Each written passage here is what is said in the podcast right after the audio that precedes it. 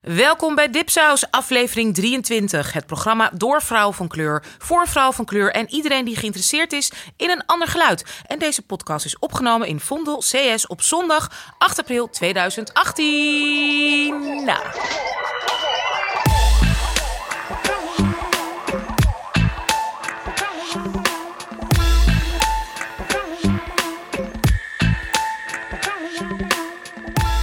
In deze aflevering praten we met Fatima Elatek. Nou, iedereen kent haar wel. Er zijn heel veel verhalen gaan er overal de ronde. Dus het is heel interessant om intiem met haar te praten over wie zij nou is, waar ze nou voor staat, zowel politiek als maatschappelijk.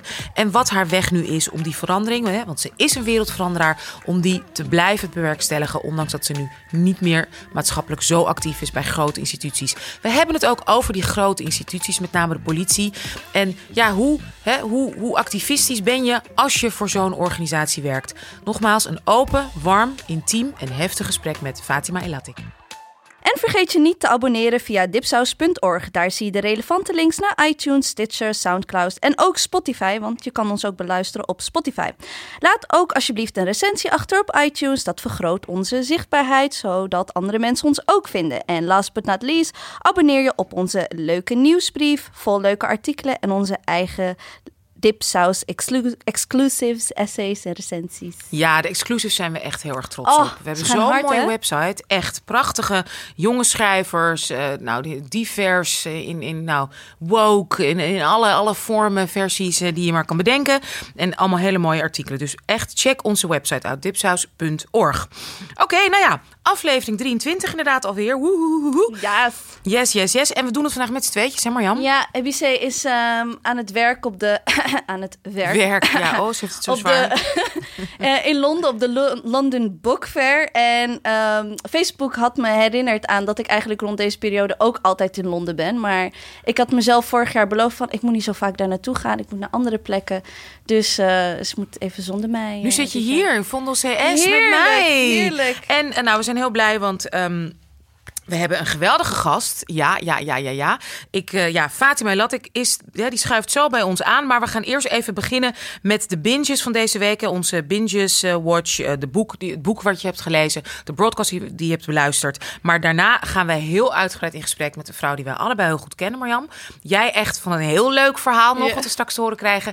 Ik gewoon ja, via de zijlijn. Eigenlijk nooit samengewerkt, maar elkaar altijd gezien en gevolgd. Fatima Elatik, nou dat wordt een heel mooi, denk Ja, ik. ja. ik. Toch, wat denk ja, jij? ik, ik dacht er gisteren aan en toen dacht ik, oeh, ik heb hier echt zin in. Yes, echt maar nu eerst gaan we naar onze BBB's. Yes. Oh, oh, ik, heb, ik, ik merkte wel van, ik ben heel veel dingen aan het kijken, heel weinig aan het lezen, maar ik heb heel veel boeken besteld eh, lately. Ehm, dus ik ga weer terug naar eh, lezen, maar ik heb wel echt een binge-watch en dat is On My Blog. En daar hebben we ook op Dipsaus Exclusive hebben we een recensie daarvan van Manju Rijmer, die ook onze eindredacteur is. En My, heb je gezien On My Blog? Nee? Nee, mijn dochter wel. Dus die zegt ook, mijn oudste van 14, die zegt ook: Wanneer ga je het nou kijken? Wanneer ga je het nou kijken? Ja, het is echt, Anousha.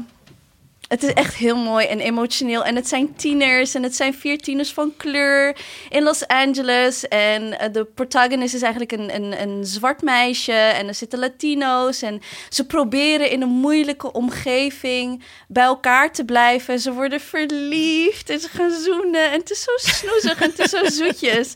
Maar ook weer heel tragisch. Want het Oh. is echt... het- Toch weer ik- tragisch? Ja, Ik wil niet tragisch. Nee, I know, maar het, het, het gaat wel even een klein beetje je hart breken. Oh. En nu ben ik dus de soundtrack aan het, aan het luisteren en uit het raam aan het staren. Dus dat is mijn... ehm, dat was mijn binge. Dat was jouw binge watch. Nou, ik heb eigenlijk een, ehm, ja, een boek dat ik heb gelezen. Ja, echt, ik vind toch dat iedereen moet lezen hoor. Dat is dat Fire and Fury over Donald Trump. Het- Oh, Getsie. Nee, echt. Het is Ja? gewoon, het is bizar om dat gewoon te lezen hoe het daar gaat. Gewoon een gekkenhuis in het Witte Huis.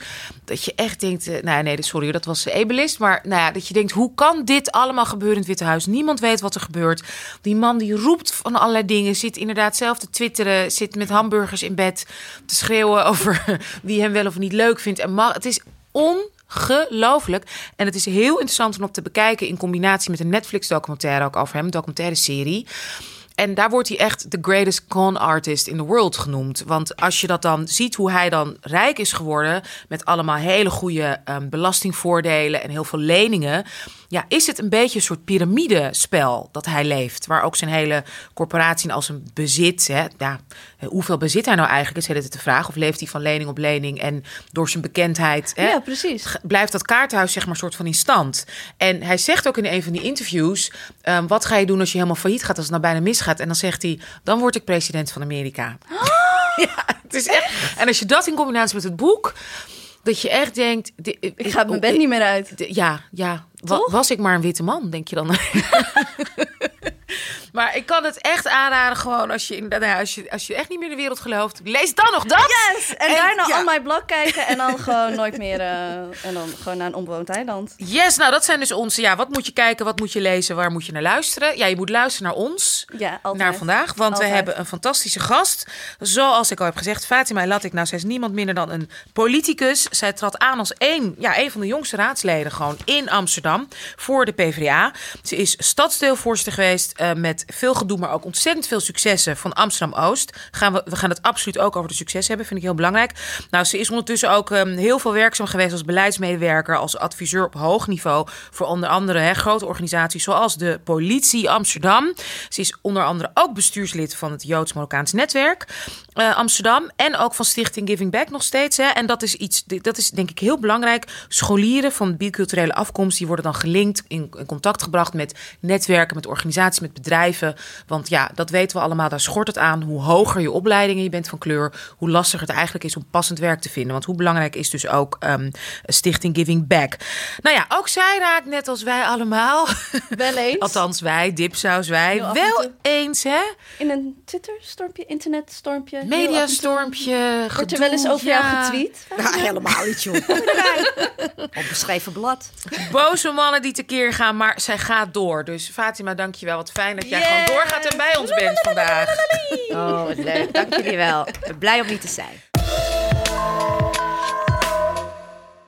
We gaan meteen weer beginnen met iets, een vast onderdeel. Ja, en dan mag je wel meedoen. Ja, misschien kan jij even uitleggen, maar want ik ben al zo Nou, lang wij beginnen altijd met de shout-outs en burns. Want we hebben gewoon heel veel te zeggen. Dus dan verzinnen we daar gewoon segmenten voor. Mhm. dus dit is de shout-out en burn. En dit is, de shout-out is iets wat je afgelopen week of gisteren of net hebt gezien. Wat je echt heel tof vond, heel mooi. En de burn mag echt down the toilet. Ehm, en Anousha en ik hebben er ook een paar. Maar als je gaandeweg Ja. denkt van... Hm, Ik doe heb mee, ook of ik heb er ook wel- een. Mag je zeker eh, meedoen. En ehm, ik ga beginnen met een burn. en ehm, dat is de berichtgeving over ehm, de protesten in Gaza nu. En ik vind het soms, ik vind het zelfs ik vind het soms lastig om niet, zeg maar, want wat de media produceert intern, ik weet je, intern, internalize I as well. Wat, wat heb je ook Eh, geïnternaliseerd? Ja, dat heb ik ook geïnternaliseerd. Hè? Dus ik dan, denk, dan kan ik ook heel denken van... oh ja, there were clashes. En dan denk je... oh, nee, clashes betekent... het zijn twee gelijke partijen... en Ja. die gaan met elkaar op de vuist... op gelijke voorwaarden, met dezelfde... ehm, maar Mogelijkheden en dezelfde. precies, Ja, precies. maar elk nieuwsoutlet... van The Guardian... nou, NOS ga ik niet eens over hebben... hebben het over clashes... hebben het over ehm, eh, casualties... eh, ongelukjes en gewelddadige protesten en whatnot. En echt de enige die het goed had, is gewoon een linkse Israëlische website, Ja. de Haaretz. Haaretz ja, altijd. die- lees die het gewoon- Ja. Haaretz altijd. En een van de meest... ehm, ik, ik volg ook sinds kort ehm Asef Ronsel. En dat is ook een eh, Israëlische journalist. En hij heeft het ook. En, He leg- en wat is, wat, wat, is, hoe, Ja, hoe- wat is de correcte versie dan? Hoe zou het moeten worden uitgelegd? Nou, een, een beetje achtergrond. Want het was in... in je hebt zeg maar in... eh, in ehm, Palestijnen vieren Land Day, of de Day of the Land, of de day, zeg maar de, de herdenking van het bezette land dat zij zijn kwijtgeraakt in ehm, op verschillende periodes. Een beetje Ja. lang, maar dan heb je 48, waarin het door twee werd gedeeld, zogenaamd, en dan in 67, wanneer ehm Zesdaagse oorlog toen. de Zesdaagse Oorlog, en toen zijn ze weer heel veel land meer kwijtgeraakt. Ja. Dus dat was een protest en dat was ook in, in Gaza. En, en toen werd er gewoon op mensen geschoten. Gewoon gericht. Door geschoten. Israëlische Door leger. Israëlische militairen, ja. En ik denk dat er op 30, 30 maart zijn er meer oh, rond de 20 gewoon vermoord. En dan is het in het nieuws is dat casualties of ehm, ehm, ongevallen of, of wat dan ook. Maar casualties Ehm, betekent toch slachtoffers? Ja, maar, het is, maar dat, dat zeg je als je bijvoorbeeld een auto-ongeluk Ja. of zo hebt. Er is hier geschoten, er is hier Ja. sprake van... eh, casualty is ook een beetje zo van, oh toevallig, oh oeps, een ongeluk. Ja, en alsof er echt een, een strij- georganiseerde st- strijd of zo met, met regels. Gelijkwaardige strijd. gelijkwaardige Ja, strijd. En daar is hier maar jij zegt ze zijn vermoord. Precies, zijn doodgeschoten, killed, weet je. Ehm, en 6 april, dus dat is voor ons twee dagen geleden... ehm, gingen zij weer ehm, langs de grenzen en gingen ze protesten, ehm, demonstreren. Palestijnen? Ja, bedoel je? Pa-. Palestijnen, ja. Ga, eh, eh, nu especially eh, mensen uit Gaza. En er zijn twee journalisten doodgeschoten. En ik, volgens mij heb ik net nog gezien dat er weer tien mensen zijn doodgeschoten. En alsof het gewoon echt super normaal is of zo van ja, ja, ja Gisteren gewoon een cameraman, hè? Ja, een cameraman. Ja, en een andere, en een andere journalist. En het is gewoon echt al altijd zo geweest. En ik weet niet waarom ik de laatste... Ik denk dat het echt kwam door de Haaretz. En zoveel meer Israëlische, zeg maar, activisten, journalisten die zich hierover uitspreken. Dat je zo duidelijk ziet van eigenlijk de people who are oppressing. Zeggen van, eh, we're oppressing, we're killing people. Misschien zouden jullie... nou ja, ehm, het zijn natuurlijk niet die mensen. Het is de, de regering, de overheid. Het is gewoon Tuurlijk, maar je bent als, je bent als, het is, eh, je, je neemt daar een soort van verantwoordelijkheid mee. Ja. Ik, ehm, eh, ik als Marokkaanse neem mijn verantwoordelijkheid in de bezetting van de Westelijke Sahara bijvoorbeeld. Als, Ja. er dan, als er dan wordt gezet, dan ga ik niet moeilijk doen over als er wordt gezegd Marokkanen bezetten. Dan denk ik, oh, oké. Ja. Want we zijn op een manier, zijn we allemaal medeplichtig. Dat, bedoel, dat zegt niet dat ik bloed aan mijn handen heb. Maar ik ben ehm, alleen maar door mijn staatschap of burgerschap ben ik daarin in a way medeplichtig. Net als dat je eigenlijk zegt Ja, ja. ook van als man, als je op straat loopt of wat dan ook, je hebt altijd, draag je die privilege met je mee. Maar ik vind privilege iets anders dan medeplichtig. Ehm, ik denk dat ik het misschien al verkeerd uitleg en het verke- verkeerde woord dan misschien wel gebruik. Wat ik daarin Medeplichtigheid gaat over schuld. En waar je het over hebt is dat je... Je bent erbij betrokken. Je hebt dus ook een verantwoordelijkheid om je uit te spreken. Want als we ons niet uitspreken... Ja, weet je, dat, dat is wanneer evil overwint. Als die mensen zich niet uitspreken tegen kwaad... dan doet het in je eigen eh, vleespijn, zeg maar. Precies. Dus ja. dat is niet medeplichtigheid, want dat is echt een schuld. Maar het gaat over verantwoordelijkheid. Je voelt je verantwoordelijk ook. ja, want om er ik- iets ik- van te zeggen in ieder geval. Ja, Of precies. bedoel je, als je niks zegt, ben je inderdaad medeplichtig. Hè? Op een gegeven moment wordt zwijgen, Ja. wordt verraad. Is dat wat je bedoelt? Hm, Ik denk, ik, ik denk wat ik bedoel is net als Europees zijn, vind ik ook op een manier en, van die, en, en genieten van het Europees zijn wat wij doen, zeg Ja. maar in Nederland, vind ik ook wel echt ergens medeplichtig zijn aan ehm, de, eh, de onderdrukking in de Global South. Ehm, want anders zouden wij niet kunnen leven hier zoals wij leven. Dus ik voel wel een soort van. Het is niet, ik- misschien klinkt het zwaar, maar het is niet alsof ik de hele tijd zeg maar, oh, ik ben medeplichtig aan alles. Maar dat, dat leidt er wel toe dat ik me verantwoordelijk voel. Dat bedoel Je, ik. bent Ja. je bent je bewust Ja. van je privilege. Dat is heel en erg je neemt stappen. Dus je hebt mensen die dan geen stappen nemen of niks Nee. zeggen. Ja, zo is het nou eenmaal. En dan is het misschien, wordt het iets meer een bewuste keuze om weg te kijken. Versus eh, in je activisme of in je werk of op je vierkante centimeter er bewust van zijn. En Ja. er ja, verantwoordelijkheid nemen. Ja. Toch? Ja, dus ik Ja, ja, ja, ik, ik ja, denk ja. meer dat het leidt Ja. toe. Als, Ja. ik, als ik, misschien ben ik de persoon die dat zwaar moet voelen. zo echt zo, zo op, op mijn schouders. Oh, Eh, kind, je bent nog veel te jong om die last te dragen. Gooi die last van je af, geniet van je en dat, leven. maar joh. dat leidt altijd tot, tot een soort van wokeness. Oh, gaan we weer. woke. Bewustwording. bewustwording tot zeg maar ehm, mijn verantwoordelijkheid daarin en voelen. En dan, en dan voelt bij mij niet echt zozeer als, als last. Misschien dat ik daarom soms ook een beetje ongeduldig word bij mensen wanneer ze dat niet zo snel snappen. Als ik iets, iets zeg, bijvoorbeeld over seksisme bij een man, zeg je, ja, maar ik ben altijd heel aardig. Ja, Maar ik ja, denk, ja, maar jij, jij lopen, jij, gewoon, jij bent Maar jouw gewoon- geslacht niet, zeg je dan wel. Ja. En je bent onderdeel van een systeem. En als je het niet weet ja. en niks meer En ik doet, vind ja. mijzelf ook eigenlijk onderdeel van het systeem. Maar goed, het Ja, ging, dat is... Ik vond het wel belangrijk om, om dat wel echt wel als mijn major burn eh, Ja. te hebben. Want we hebben het echt sinds 1948, hè, is het gewoon gaande. Het is van 1948 gaande, maar historisch is het, daar hebben we het wij eens met elkaar ook over gehad. Het is natuurlijk een heel erg lastig principe, omdat vergeet niet dat na de Shoah, ik, ik ben zelf, mijn, mijn oma is Joods, is ook omgekomen in oorlog, eh, ontzettend begrijp dat er gewoon een hele grote beweging was van, hé luister, wij reclaimen onze geboorte, hè, grond waar wij vandaan komen, waar we duizenden jaren geleden al zijn weggestuurd. Dus dat maakt, vind ik het, dat maakt die discussie zo ontzettend lastig. En er is een verschil, vind ik, tussen ehm, eh, natuurlijk je, je, je plek claimen, terugclaimen, eisen. Zeker na zo'n nou, gigantische massamoord. Want dat is ook, hè, de oorlog, over de oorlog wordt ook nog steeds gezegd van ja, die kwam om in de oorlog. Nee, die is vermoord in de Ja, oorlog. Of die kwam. Anne Frank kwam om in Auschwitz. Nee, die is moedwillig vermoord in Auschwitz. Ehm, eh, en is verschil tussen dat terugclaimen als volk of als, hè, als, als, als, ja, als, als, als, als groep. En inderdaad hoe je regering, hoe de overheid, hoe die machinaties dan gaan werken.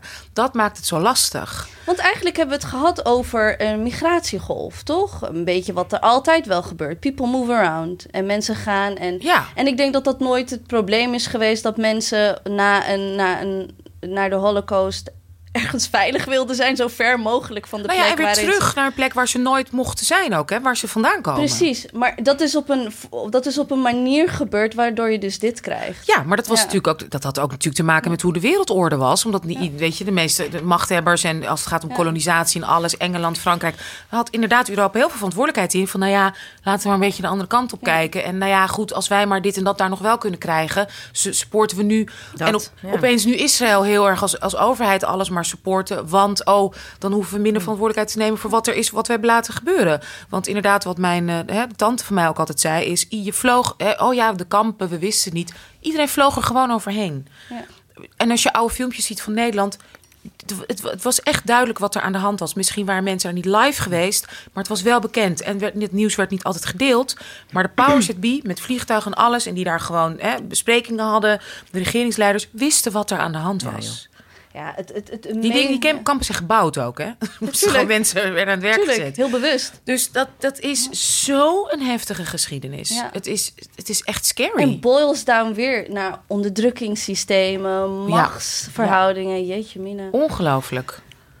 Nou, leuk begin. Goed. Dat was de burn! Mag ik mijn shout-out doen dan, naar aanleiding van jouw Ja, verhaal? Doe een shout-out. Ik werd vanochtend wakker. Ik eh, heb Blendel. En toen kreeg ik... eh, God, dan ben ik hem weer kwijt. Kreeg ik eh, een artikel eh, van eh, een interview, volgens mij in de Volkskrant, met Jan Pronker. En dan zegt de oud-minister Jan Pronk, niet Pronker, Jan Pronk, die oud-minister is van ontwikkeling voor de jonge mensen om ons heen. PvdA, oud PvdA? A-minister heel lang ontwikkelingssamenwerking.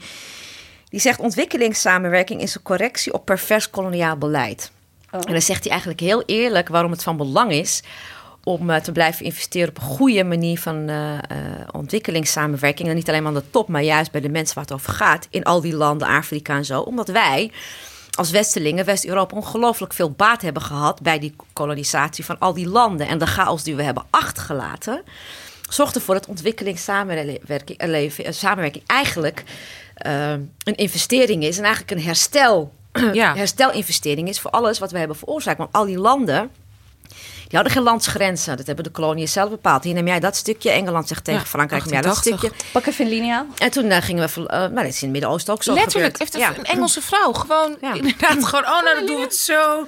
Dat, Dus dat vond ik eigenlijk wel heel mooi dat de minister reflecteert en terugkijkt. En die zegt, ja, maar als we gewoon heel eerlijk zijn, hebben wij eh, als rijke westerse landen ook een verantwoordelijkheid om daar het leven op niveau te gaan brengen. En dan moeten dus niet verrast zijn als mensen op zoek naar geluk en voorspoed deze kant op komen. Want dat hebben we eigenlijk zelf veroorzaakt. Ja, en naar overleven. En plus nog steeds, hè, hallo, de bedrijven die er allemaal zitten, met ik weet niet wat voor belastingvoordelen ook. En Ja, die daar alleenrecht Nee, krijgen. maar wat heel veel mensen niet weten is, naar de, ook Marokko bijvoorbeeld en Frankrijk, nadat die eh, koloniale eh, machten vertrokken, dat eh, landen die toen gekoloniseerd zijn nog steeds geld betalen aan de landen die vertrokken zijn. Ja. Ja, ja. Allemaal vreselijke strikdeals. Ik hoorde van een eh, Marokkaan een keer dat eh, Frankrijk nog steeds fosfaten ophaalt in Marokko, verwerkt in Frankrijk. En moeten Marokko ze dubbel terug Ja. betalen als ze ze willen hebben. Het is uitbuiting. Ze zitten niet Ja. meer in het land met hun legers, maar de uitbuiting gaat Ja. gewoon door. En Dus, de bedrijven. dus als je echt wil naar een eerlijke economie in de wereld, dan zou je er echt kritisch moeten kijken. Dat verklaart ook al die conflicten die we zien. Eh, het gaat natuurlijk uiteindelijk gewoon om geld. Geld en macht. Ja. En het is dan hij- heel erg, heel erg vreselijk om te zien wat de gevolgen zijn voor mensen. Ja. Ja. Want hij heeft het niet over, want eigenlijk, ik, ik, ik vind dat, ik weet niet meer wie de schrijver is, maar die zoek ik op en zet ik in de show notes. Die heeft het dus over ontwikkelingssamenwerking. En ze zegt eigenlijk van, eigenlijk had ik maar één A4'tje kunnen schrijven in plaats van een heel boek. Stop ermee. ja. en, hij ehm, zegt van niet. Hij zegt, want, Nou, in, want- de- in het interview wordt hem ook Dat is zo gevraagd. die Afrikaanse, uit, Ja. die, ja, die is volgens mij uit Rwanda. Ja, ze zegt, ja, stop ja, ermee, maar dan komt er nog een N. En ehm, weet je, want het is een beetje dweilen met de kraan open, hè? zoals je ook zegt. Van ja, je gooit er van alles in en dan wordt er niks opgebouwd. Dus eigenlijk wat je wilt is dat. Nou, de status quo wordt gehanteerd. Dus de Ja. powers that be blijven gewoon in, aan de macht. Precies, en de bedrijven allemaal- blijven aan de macht. En, dat, en dan doe je het een beetje, inderdaad, het is echt letterlijk le- dweilen met de kraan open. Want die kraan is zo belangrijk voor het Westen. Precies. Maar door een beetje te dweilen koop je een beetje schuldgevoel af. Dat is eigenlijk dat is wat, wat zij zei. Ik ben ook haar naam vergeten, maar ik heb het Ja, boek gelezen. ja, ja, ja. Maar dat, is wat hij, auto maar dat is zo. wat hij ook zegt. Hij zegt, je, je, tuurlijk zeggen mensen ontwikkeling, samenwerking werkt niet. Nee, als je alleen met de top van het samenleving van die, van die landen gaat werken, dan werkt het niet. Want dan gaat, verdwijnt het gewoon in de, in de, in de zakken van die eh, rijke idioten daar. Maar hij zegt, je moet van onderop, ik- waar het om gaat, is je moet de mensen gaan helpen waar het om gaat. Dus, en dan moet je ook structuren gaan afbouwen. Dan moet je ook diplomatie gaan gebruiken om af te dwingen dat die landen gaan werken aan mensenrechten, gaan werken aan Maar dan hoor je kansen. ook, maar dat systeem afbreken daar moet dan ook hier gebeuren. Want als Ja, je, als je onze dat belangen niet, moeten eerlijk inzien. Dan Ja. moet je ook eerlijk inzien dat wij hebben dus het belang bij. En we moeten gaan afwegen dat die extra dollar die we maken voor ons niet meer relevant genoeg. Want we zijn al fucking rijk genoeg. Dus geef die op.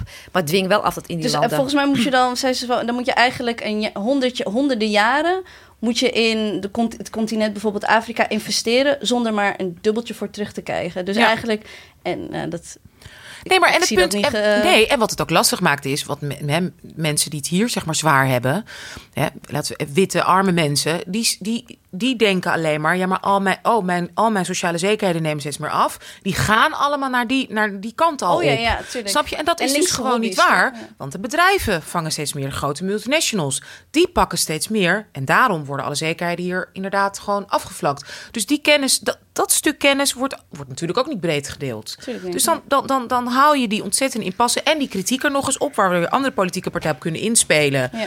En ook weer macht kunnen verwerven. Het is echt een hele nare, hele enge kluwe. Het is eigenlijk niet zo moeilijk. Nee, want Maar het is wel een kluwe. Vier, vier zinnen kan je. Nee, maar in ons land wordt het ook gewoon politiek ook uitgespeeld. Hè? Dus de, de arme Ja. mensen die denken, ja, maar al mijn geld gaat, eh, wat, Ja. waar ik recht op heb, gaat naar de asielzoekers. Wat gewoon niet zo is. Dus we Nee. moeten ook weer eerlijke politieke leiders hebben. Die gewoon het eerlijke verhaal vertellen. En niet eh muntje willen slaan op mensen en met angst. Maar waarom is er geen één linkse politicus, Fatima, denk jij, die dat niet gewoon zegt? Die zegt van luister, dit klopt gewoon niet. Want Ja. tut, tut, tut, zit het gewoon economisch punt. Waarom zegt een linkse politicus, SP, weet ik veel wie, waarom zeggen die dat niet? Ja, kijk, dat linkse verhaal wordt ook moeilijk gehoord en moeilijk opgepakt. Wat ik merk is, ik zie vaak linkse leiders in, in zalen, in debatten, goede dingen zeggen. Maar er is gewoon heel geen aandacht voor. We moeten ook weten hoe, deze, hoe de afgelopen 15 jaar de, de, de politiek van de angst eh, heeft gewoon gewonnen. Dus mensen die goede dingen zeggen, daar lees ik eens meer over. Af en toe dan, wat we net hadden over hoe het nieuws bericht over zaken. Het is bijna als je een links geluid hebt, dan spoor je gewoon niet. Dan hoor je er niet bij en dan is het gewoon raar. En dan moet men gaan, blijft men prikken zodat je een rechtsachtig verhaal vertelt. En twee, links heeft ook last gehad eh, van zeg maar de, ik noem het dan de peilingenangst. Dat je dan uiteindelijk je principes een beetje half inslikt, omdat je toch denkt, ik moet op het midden blijven. Ja. Terwijl je ziet in Amsterdam met de uitslag van de verkiezingen... dat mensen een beetje klaar zijn met dat middengelul. Zeg maar niet rechts, niet links. Het is nog, wat is nog boter, nog vis? Nog vlees, nog vis? Vlees of vis? Oh, niet aan mij vragen. Nog vlees, nog vis? Vlees of vis, ja. Mensen hebben gewoon een inclusief en echt verhaal nodig. Dus we hebben weer perspectief en hoop nodig. Dat mis ik een beetje in de politiek nu. Weet je, ook de verkiezingen hier in Amsterdam afgelopen periode. Ik, ja, ik denk, waar gaat het over? Het is alleen maar voor wonen, toeristen. Dan denk ik, ja, wat heeft die oma er nou aan in, eh, in de dapperbuurt? Of wat heeft die oude man in de dapperbuurt het aan als je dit verhaal zo vertelt? Wat betekent het nou voor zijn eigen persoonlijke veiligheid en zijn omgeving en zijn geluk? Die elementen, daar praten we bijna niet meer over. Dat vind ik wel jammer. Vroeger was ik, ik ben misschien oma verteld hier. Maar ik ben wel van de politiek van idealen en perspectieven. En weten, en ook eerlijk zijn tegen kiezers. Van die tien idealen die we hebben, eh, die we hebben gaan we er misschien vier bereiken in de komende vier jaar. Maar wees daar eerlijk over. ja. Maar je gaat wel je best om al die anders Maar willen mensen dat dan niet meer horen? Is, want inderdaad, ik denk dat mensen, gewone mensen, namelijk eh, de, de meerderheid van deze samenleving, het heel graag wil horen. Maar we worden geleid door eh, one-liners. We worden geleid door Twitter World. Dat is, journalisten halen hun trending topics van Twitter. Dus als een of andere gek iets tweet en honderdduizend mensen gaan hem retweeten, wordt dat het nieuws. Dat de gewone man op straat die denkt, waar gaat dit over? Waar hebben jullie het over? Maar links kan, er zijn toch ook wel goede one-liners die, die links kan gebruiken. Gewoon hele duidelijke zin. De SP is daar toch, weet je nog, vroeger, tien jaar geleden, heel goed in geweest. Met die, gewoon met die tomaat, weet ik veel. Dat is nou die posters. En dan gewoon van die soort Ja, in één zin. opgeschoven. Ja, nee, Maar dus kijk, waarom is- zijn ook zij dan? Dat Kijk, ik vind GroenLinks vond ik het afgelopen periode goed doen. In ja, in Amsterdam zeker. PvdA heeft het ook echt geprobeerd met liefde voor de stad. Zeg maar op een andere manier kijken naar elkaar. Die gaan, zijn ook allemaal in wijken gaan zitten. Hebben een bivak door de stad gehouden om op te halen wat er speelt. Ik heb daar vertrouwen in, want dan hoor je de echte verhalen. En nu moet het laten zien de komende vier jaar. Wat ga je met de verhalen van mensen doen? Dus niet de schreeuwlelijkerts, wij die op Twitter gewoon af en toe gewoon meningen ventileren alsof we gewoon uh, niks te doen hebben. Maar de mensen die elke dag in die straten en die wijken wonen, daar moet ik het verschil gaan maken. Dus ik, ik, en dat, en dat dus, dus de one-liners, de 15 seconds of fame, niet 15 minutes meer, maar 15 seconds of fame. Ik hoop dat politici een beetje standvastig zijn. Ben je nog een PvdA? Ja, nog steeds. Ik ben sociaal-democraat in hart en nieren. Dat gaat gewoon niet uit. Dus jouw shout-out was dus ook naar een oude PvdA. Dus hè, naar Jan Pronk ja. was de shout-out. Oké, goed. Um, ja, ik, uh, ik heb eigenlijk alleen... Uh, ik, heb, ik, heb, ik heb een shout-out. Ik was um, uh, uitgenodigd naar de SDM Meetup. Dat is van Stichting Democratie en Media. Waar wij ook... Hè, die supporten ook onze website. Met geweldige artikelen van allerlei soorten mensen. Het was een ontzettende interessante meetup. Met allemaal verschillende hele interessante mensen. Het ging over de combinatie van journalistiek en activisme. Dus eigenlijk waar we het nu over hebben... Hè, hoe hoe komt dat bericht nou dan wel naar buiten? Waarom? Um, je, je hoort altijd dat de media zo links is. Nou, dat is gewoon feitelijk gewoon niet waar. Is niet links. En hoe krijgen we een links of inclusiever, bewuster geluid inderdaad wat meer naar buiten? Daar ging die meetup over. We hadden verschillende workshops met elkaar in gesprek. Het was heel erg leuk om al die mensen die daar dus mee bezig zijn, op verschillende manieren met z'n allen te ontmoeten en de hele dag bij elkaar te zijn. En ik ben helemaal dol op Bart Peters, die ik heb ontmoet van de Transketeers. Oh, Bart Peters is film, uh, filmmaker, medeoprichter van het makerscollectief De Transketeer samen met Chris Rijkse en Jona Lammers. En ze zijn actief als public speakers, voorlichters en maken audiovisuele producties om zichtbaarheid te creëren voor gender en seksuele diversiteit. Dus nou, en dat is, dat is zo'n belangrijk onderwerp, want daar doen, hè, doen mensen vaak een beetje, oh hier, wat is dat dan? En oh, wat ben je dan over? En het is zo belangrijk om uh, die boodschap wat meer naar buiten te krijgen. Dat doen ze hartstikke goed. Ze gaan ook een podcast maken, dus dan gaan we zeker ook een uh, kruisbestuiving doen. Ik heb ook een uh, workshop van ze gehad over daarover. Ja. En dat, is, dat doen ze echt ontzettend mooi. En die heb ik dan gekregen van uh, Jona. En daar, daarna zijn Jona en ik een beetje in contact gebleven. En hebben we samen een workshop gegeven over diversiteit. Oh, en dat was leuk. ontzettend leuk. Oh, tof. En daarover dan gesproken, over nog een shout-out dan. Want bij de gemeenteraadsverkiezingen heeft uh, Anna Lima van Bijeen in Zuidoost heel veel stemmen opge. Ja. Een transvrouw in Amsterdam Zuidoost, waar iedereen zei: Nou, dat, dat is onmogelijk, weet je wel. Mooi toch? En ze heeft het heel goed gedaan. Ze heeft helaas geen zetel, dat is niet gelukt. Maar er is zo'n begin gemaakt dat die vrouw daar gewoon zich veilig kon voelen, met kiezers kon praten op straat. En zij woont daar ook en is ook iemand die daar bezig is met kwetsbare groepen, met jongeren. Dus ja, ik hoop dat dat toch, dat dat, dat is het ja, idealisme, dat, dat, het ideaal waar we naartoe. Wij moeten gewoon nieuwe verhalenvertellers hebben. En, da en daarom moeten mensen gaan participeren dus ik stimuleer ook mensen.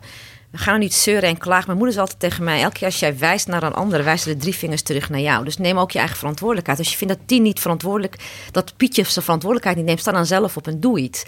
En wat ik belangrijk vind, is daarom vind ik het ook zo leuk, al deze nieuwe mensen, ook in de politieke arena, is de nieuwe geluiden. De groepen die ze vertegenwoordigen, de groepen waar ze vandaan komen, de wijken waar ze uit. Dat zijn verhalen die we missen. Ja. En die moeten nu de boventoon gevonden. Want kijk, de boventoon in de politiek wordt vaak gevoerd door de ja, uh, middeninkomens, met de gegoede burgerij. Terwijl ik denk, ja, maar de democratie gaat niet over het beschermen van de belangen van de meerderheid en de sterke meerderheid. Het gaat ook over het verdedigen en het beschermen juist van de belangen van de minderheden. En daar moet je het verhaal En ik heb het niet over etnische minderheden, maar mensen die op hun eigen manier anders zijn in die samenleving. Ja, dus ik echt shout-out naar al die mensen die staan voor hun ware identiteit.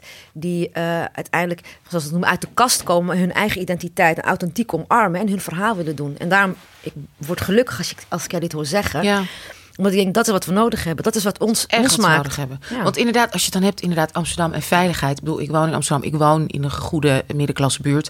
Dan hebben ze het echt over veiligheid als van... er spelen hier zoveel kinderen die niet uit de buurt komen op straat. Dat is waar die mensen zich dan druk om maken. Ja. En voelen zich dan heel onveilig. Want zijn kinderen uit een andere wijk. Letterlijk, hè? En daarom dus op bepaalde partijen stemmen, zodat, dat, zodat hun voortuin, zodat hun straat... Ja. Weet je, ik woon, 40 jaar, ik, woon, ik woon bijna 45 jaar in Amsterdam. Ben je geboren en getogen. En soms lees ik uh, uh, in gezonde brieven, zo'n parool of in kranten van mensen die... Uh, ik, noem ze alle, ik, ik, noem ze de allochtonen. Dat zijn mensen die door hun studie in Amsterdam zijn beland. Uit, overal van het land vandaan komen. dat noem ik de nieuwkomers. En die komen dan in Amsterdam wonen. En die gaan keihard werken. En dan worden ze dertig en dan gaan ze, oh, ik moet kinderen maken. Gaan ze er snel drie uitpersen, de bakfietsgeneratie. En die gaan dan de norm... drinkende bakfiets. Dan gaan we een norm bepalen van Amsterdam. Weet je wat Amsterdam vroeger was? Ik groeide op in de rivierenbuurt. Er waren niet zoveel kinderen, maar we zorgden voor elkaar. De buren, die zorgden voor elkaar en die zorgden voor elkaars kinderen. Dus wij waren vroeger banger voor tante Ria dan voor onze eigen moeder. Als we, Ja, het, als we aan ja. het klooien waren op het plein. En we gingen naar de pijp, want daar wonen de meeste kindjes. Daar gingen we spelen en de kindjes van de pijp kwamen bij ons. Maar er was een soort... Het was een soort eh, gedeelde, gedeelde norm en gedeelde waarde. Namelijk, we zijn allemaal Amsterdammers. Maakt niet uit dat je, dat je een beetje krulletjes hebt en een beetje donker haar hebt. Dat viel toen helemaal niet op. We waren gewoon kinderen en we speelden met iedereen. En we bekommerden ons om elkaar. We waren veel socialer met elkaar. En ik, ik voel weer oma verteld. Maar het is mijn beeld van Amsterdam. En, en dus dan het kind van een ander is niet meer Ja. het kind van een ander. Maar het is net zo goed jouw kind, want het spelen samen. En nu zijn we allemaal... We zitten allemaal in onze eigen is- hokjes. Ik En- heb het daar zo vaak over. Want ik bedoel, mijn generatie ouders zijn allemaal kinderen van Ja. uit de jaren zeventig. Met ouders die inderdaad, hup, je viel in slaap achter op een feestje. En die jas, eh, jassen lagen over je heen. Achterin geen gordel om. Iedereen Nee. rookte overal. dus het lijkt alsof die ouders nu een soort hysterie ben hebben naar die kinderen. Ja. En daar bovenop zitten. En dus ook allemaal heel individualistisch. En je mag niet vallen als aan het spelen. Niet- Pas op nee. dat je niet valt. En Nee. elk kind heeft recht op zijn eigen trauma's, man. Ja, doodsbang en ook heel bang verantwoordelijkheid voor andere kinderen of een kind of. Nee, en ik, ik heb je dus verteld, ook misschien volgens mij in deze podcast, dus allemaal herhaald waarschijnlijk, dat ik weet nog een keer een, een gezin die dus tegenover ons woonde en die vonden altijd dat, dat ik altijd zo warm en dat iedereen welkom is. Omdat voor mij is dat normaal. Zo ben Ja. ik opgevoed. Bedoel, Ja. Russisch, Cameroens. Ik ken geen privacy. Nee. Iedereen is altijd bij mij op de vloer en dan ook. kook ik meer of dan haal ik nog wat. En dat, dat zij dat zo, oh, zo bijzonder. Terwijl ik denk, ja, ik kan niet eens voorstellen hoe je zo afgesloten kan Maar je leven met alleen maar jouw gezinnetje. En toen, ehm, eh, we hadden een tijdje ook een kind in huis, weet je, er was gedoe met haar moeder. Nou prima, heel, is hartstikke ook. goed gegaan. Ja. Heel close ook met die moeder. Prima, ik vind het niet iets bijzonders, maar daar kreeg ik complimenten over. Terwijl ik allemaal dacht, joh, had jij ook kunnen doen. Maar goed, whatever. Maar die mensen zijn dus zelf een tijd in Marokko geweest op reis met hun kinderen. En die zijn teruggekomen, want na zes weken.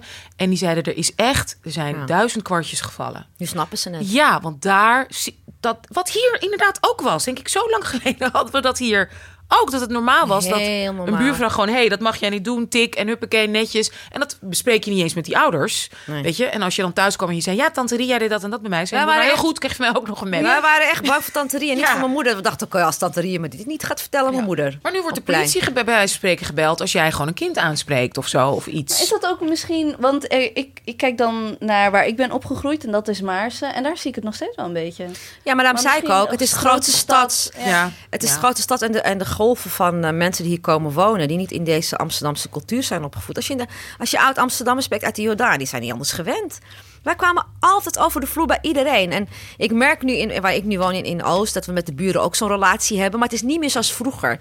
Kijk, een deel wordt ook verklaard dat vroeger heel vaak de mannen werkten en de vrouwen of halve dagen werkten of gewoon thuis zaten. Dus er was een soort sociale band.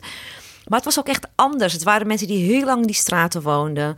eh, en die gewoon nog de tijd hadden met, met elkaar te interacteren, zoals dat heet. Ja. En dat hele zwart-wit wat nu speelt, dat hadden wij niet. Wij gingen gewoon in de zomer, s'avonds op het Meerhuizenplein, dan gingen de Turkse moeders eh, koekjes maken en de Marokkaanse moeders thee en, en de Hollandse mensen. Dan gingen we gewoon op het plein. kwam mijn moeder dan met een, een tray met thee en, en eh, Marokkaanse donuts. Vinden ze. En de Turkse vrouw kwam er met beurek. En dan gingen al die kinderen spelen, die buren. En, en dan een buurtagent langs, die stopte eventjes. Voor mij is dat gewoon Amsterdam. Maar en wat dat bedoel beeld, je dan met zwart-wit dat het nu is? omdat het, het is nu zo. Wij keken vroeger niet naar elkaar van... hé, hey, maar jij, jij bent een allochtoon kindje... en dat is een autochtoon kindje. Of hey, die buurvrouw spreekt geen Nederlands... dus ik ga er niet bij zitten. Mensen gingen communiceren met handen en voeten met elkaar... gebrekkig Nederlands. Zo hebben de meeste van onze moeders Nederlands geleerd... gewoon met de Nederlandse buren. Dus er, er werd niet, op, er werd niet zo'n negatieve lading aangegeven... wat het nu is. Dus het is nu... het is bijna een soort... Het, het maakt het verschil. Terwijl vroeger mensen toch anders met elkaar omgingen. Maar was het niet ook toch waar iedereen zegt, oh, dat politiek correcte, ja, dat was toen meer de cultuur.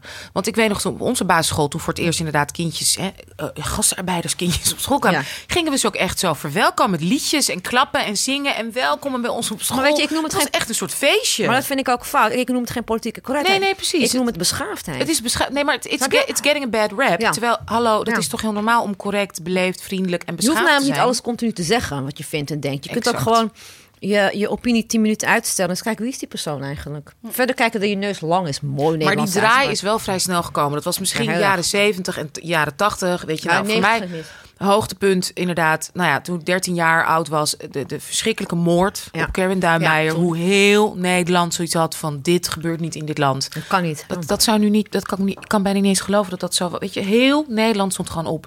Demonstraties overal, groot. cons- Weet je, dat was, kan je nu niet eens meer voorstellen. Weet je wat ik zo maar dat mooi is vind? vlak daarna, eigenlijk eind jaren 80. is dat al, volgens mij met Duncan Bolkestein is dat heel snel. Ja, Shout-out.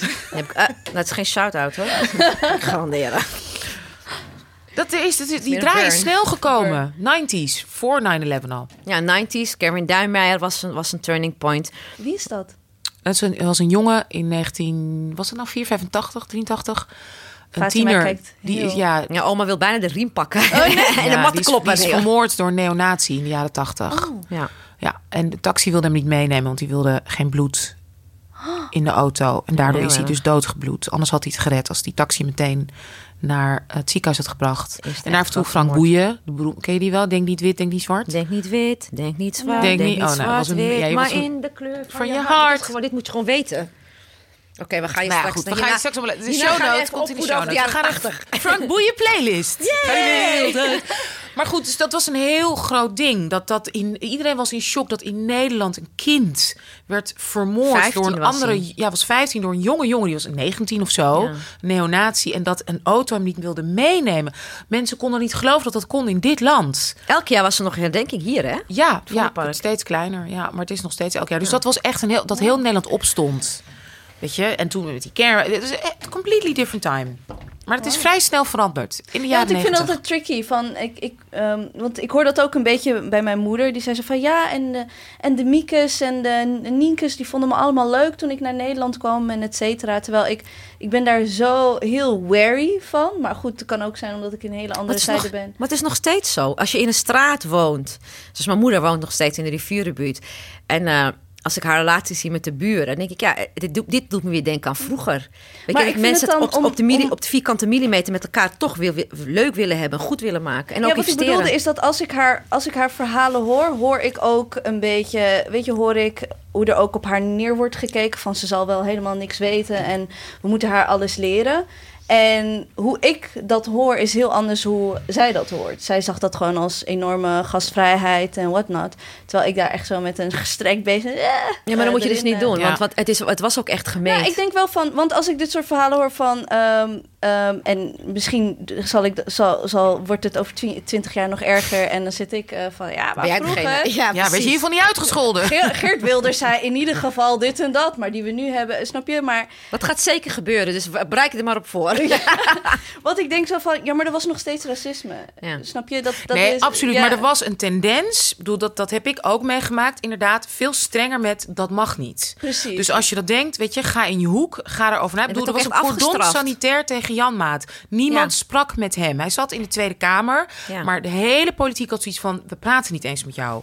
Want dit doen wij niet. Zo zijn wij niet. zo zijn wij niet. Dat betekent niet dat er niet inderdaad hartstikke veel racisme is. Maar het was in ieder geval not done. En nu...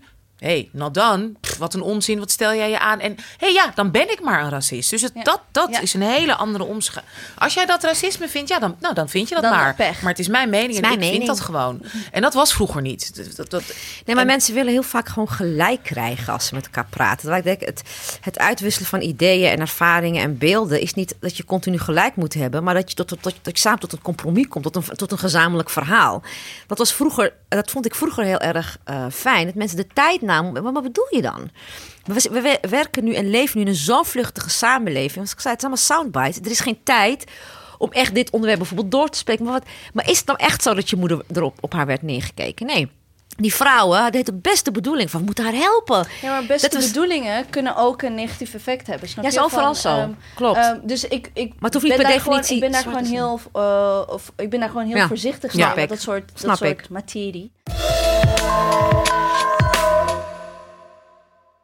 Ik zag, wanneer was dat? 7 maart. ehm, gaf jij een interview in de, in de Groene. Rolt met de ogen. En ehm, het was een openhartig ehm, interview. En ik vond het. ik vond je toon ook, zeg maar. Het is moeilijk om toon te lezen natuurlijk. Maar ik vond het heel interessant, want ik vond je veel scherper in dat artikel. Was dat bewust of. Nee. Kijk, dat artikel is eh, opgesteld in een periode van vier maanden lang. Praten eh, met uh, Monier. En ehm, meneer Samuel. meneer Samuel, kijk, en vier maanden lang praten met iemand zorgt ervoor dat je op een gegeven moment steeds tot de kern komt van dingen. En eh, het ging wel over twintig jaar leven, hè? twintig jaar werk, twintig jaar ervaringen. Dus uh, ik moet je zeggen, ik kneep hem wel de ochtend dat artikel uitkwam. En ik dacht, wauw, waarschijnlijk ben ik hier wel op mijn kwetsbaars. Maar ik heb van mijn hart geen moordkuil gemaakt. Dingen die me echt raakten. Ja, het is wel de waarheid wat daar staat. Ik kan het niet mooier maken dan het is. Maar uh, ja, dat was wel mijn verhaal, zeg maar. Ja, want je hebt vaker interviews gegeven, maar hoezo zo groot en zo openhartig? Nou, wat ik hier, wat ik, wat ik ook zeg in het artikel, wat ik zo fijn vond uh, met Monier, is dat ik. Uh, het was, het, het was, ik was op mijn gemak. Dus ik had niet het gevoel dat ik steeds vooroordelen hoefde te ontkrachten of dingen moeten uitleggen. Weet je, als weer een vraag kwam, waarom draag je een hoofddoek? Die kwam gelukkig niet. Die, die ga ik niet meer doen. Na nee. 25 jaar, denk je, weet je. Oh, die krijg je nog steeds? Ja, jong. Oh, ik ga lekker, uh, ga lekker naar een bibliotheek of zo, of google het. Maar laat me maar rust, want ik uh, ga dat niet nog een keer doen. Je, maar je krijgt heel veel van die standaard vragen. En ik snap ze, dus ik neem het mensen ook echt niet kwalijk. Dat mensen echt nog dingen willen weten. Maar ik ben... Ik word 45 dit jaar. Ik, ik, sinds mijn achttiende sta ik op allerlei podia en debatten en zo. Ik, ik wil niet meer uitleggen. Dus het gesprek met Moenia was fijn, want hij heel veel wist van de achtergrond. Dus als ik iets vertelde, hoefde ik het niet uit te leggen of in de context te plaatsen. Dus konden we al makkelijker over naar de volgende vraag. wat betekent dat dan? En dat, dus dan zit je niet in een soort vechtgesprek. Nee, je begrijpt het niet. En dan ga je veel dieper tot de essentie van wat is het dan? Wat, wat drijft je? En dat vond ik wel heel mooi in dat gesprek. Um, ja, en ook gewoon, het was voor mij ook heel therapeutisch, zeg ik heel e- eerlijk, omdat het mezelf ook confronteerde met mijn eigen pijn en mijn eigen verdriet, mijn eigen teleurstelling in bepaalde dingen.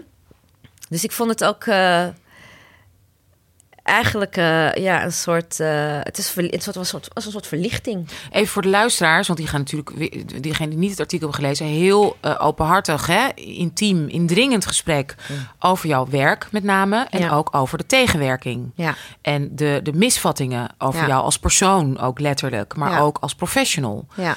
En dat, dat lijkt me ook dat, dat lijkt me ontzettend heftig. Want jij hebt dat allemaal ook echt meegemaakt. Zonder dat je toen antwoord op die manier kon geven. Veel meer dan dat. Dus zeg maar, dit is nog maar een soort bloemlezing.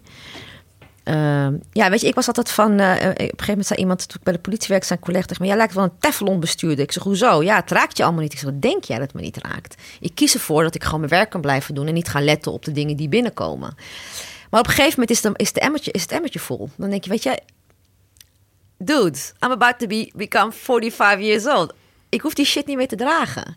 Dat is wat je ziet in dat artikel. Ik dacht, ja, nu is het voorbij, want het heeft ook iets gedaan met mij. Ja. Uh, elke keer maar de, het panzer omhoog en de dingen slikken, rare dingen over jezelf lezen. Dat ik denk, dit klopt helemaal niet. En dat mensen om me heen zeggen, wat is zo onzin, dit ben je toch helemaal niet? Ik zeg, ja, kennelijk is dat het beeld wat gecreëerd moest worden.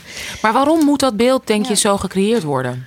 Ja, goede vraag. Weet je, toen ik opkwam, ik, zoals je zei, ik was 24 toen ik in de raad kwam. Uh, eigenlijk zeg ik het in het artikel. Ik heb het idee dat, dat wie ik ben en wat ik doe, ik pas niet in een hokje. Dus ik, ik veroorzaak ongemak bij mensen. Ik ben niet het traditionele moslimvrouwtje dat achter de man aanloopt, vijf kinderen eruit heeft geperst en thuis zit. Maar is dat het traditionele moslimvrouwtje? Nee, maar dat is het beeld wat er bestaat. Ja, het beeld dat hier... Snap je het ja, frame? Nee, ja, precies, dus ik sta, het frame. Ja, niet het, ja. Ik ben actief in de politiek. Ik heb een grote mond. Ik ben direct. Ik vind iets. Ik strijd voor dingen waar ik in geloof. Ik, ik praat niet mee. Begrijp je? Ik probeer zo authentiek mogelijk te blijven. En in alle gemeenschappen. Dus ook in de Marokkaanse gemeenschap mensen die denken... dat wij spoort niet. Prima, maar heb ik nooit... Herkenbaar. Maar ik heb, dat nooit, ik heb dat nooit als last ervaren. Want ik vond... Ik, mijn authentieke zelf vond ik belangrijker dan mensen paaien en please. Ik ben geen pleaser. En dan, dat veroorzaakt ongemak. Want elke hokje waar ik jou in stop, daar pas je gewoon nee, niet in. Ja, want ook bij actief, hè, binnen het activisme heb je, heb, je, ook niet een, een, een supernaam, zeg maar. Nee. Er zijn politici, oh ja, die of die, nou bijna niet natuurlijk. Maar ook daarin heb je, heb, heb je ook moeten is het ook niet makkelijk voor jou geweest om te nee. heel erg te worden omarmd nee. door de activistische hoek? Nee, maar ik ben ook niet. Want waar ligt dat dan aan, denk je? Nee, maar ik, ik heb ook nooit echt de behoefte gehad om omarmd te worden. En dat het verschil is. Ik had altijd een idee over: dit is de samenleving zoals ik hem zie hier wil ik voor vechten. En dat betekent dat de ene helft je gaat haten en de andere helft van je gaat houden. Als je politicus wil worden en je wil, dingen veranderen, dan moet je niet verwachten dat de hele wereld van je gaat houden. Als je dat doet, dan dan ben je gek. Want zo werkt dat niet. Dus ik heb, ik heb ook nooit het behoefte gehad om ergens bij te horen of bij een groep. Of? Maar dat is lastig in de politiek. Want je kiest wel voor bepaalde beleid, voor, voor je, hè, je support. Ik heb ook een lastig persoonlijk. Ik ben ook een ja. lastige persoonlijkheid. Dat is wat ongemak veroorzaakt. Maar je hebt dus ook als vrouw die volgens mij in haar hart en nieren meer een wereldverbeteraar is, een veranderaar, ja. heb je dus ook achter dingen moeten staan bij een partij, met name de PvdA, waar ook wel heel veel kritiek op, hè, waar je ook wel kritiek op mag hebben in deze samenleving. Zoals? Um, nou, als je hebt ik was over... altijd eigenzinnig bij de Partij Nee, van de oh, ja, Arbeid. hè? ja, ja, ja, ja. ik, ik doe niet alsof de Partij van de Arbeid altijd zo happy met mij was. Omdat ik gewoon, ja, dingen waar ik niet achter sta, sta ik niet achter. Dan kan je hoog en laag springen, maar ik vind dat dan niet. Maar precies, is dat niet voor jou heel moeilijk dus ook geweest? Nee, Om de politiek te kunnen voeren die je zou willen voeren als veranderaar? nee.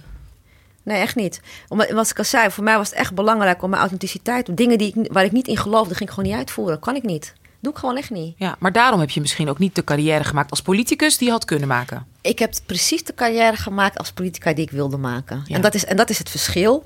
Dat merk ik vaak bij heel veel allochtone gemeenschappen. Dat, ja, oh, maar, ja, maar je moet nu naar de Tweede Kamer. En die denken dan dat een Tweede Kamer een stapje hoger is. Dan denk ik, jongen, de, de, het bestuurlijke in- invloed en de macht die ik heb als bestuurder lokaal is tienmaal groter dan een Kamerlid.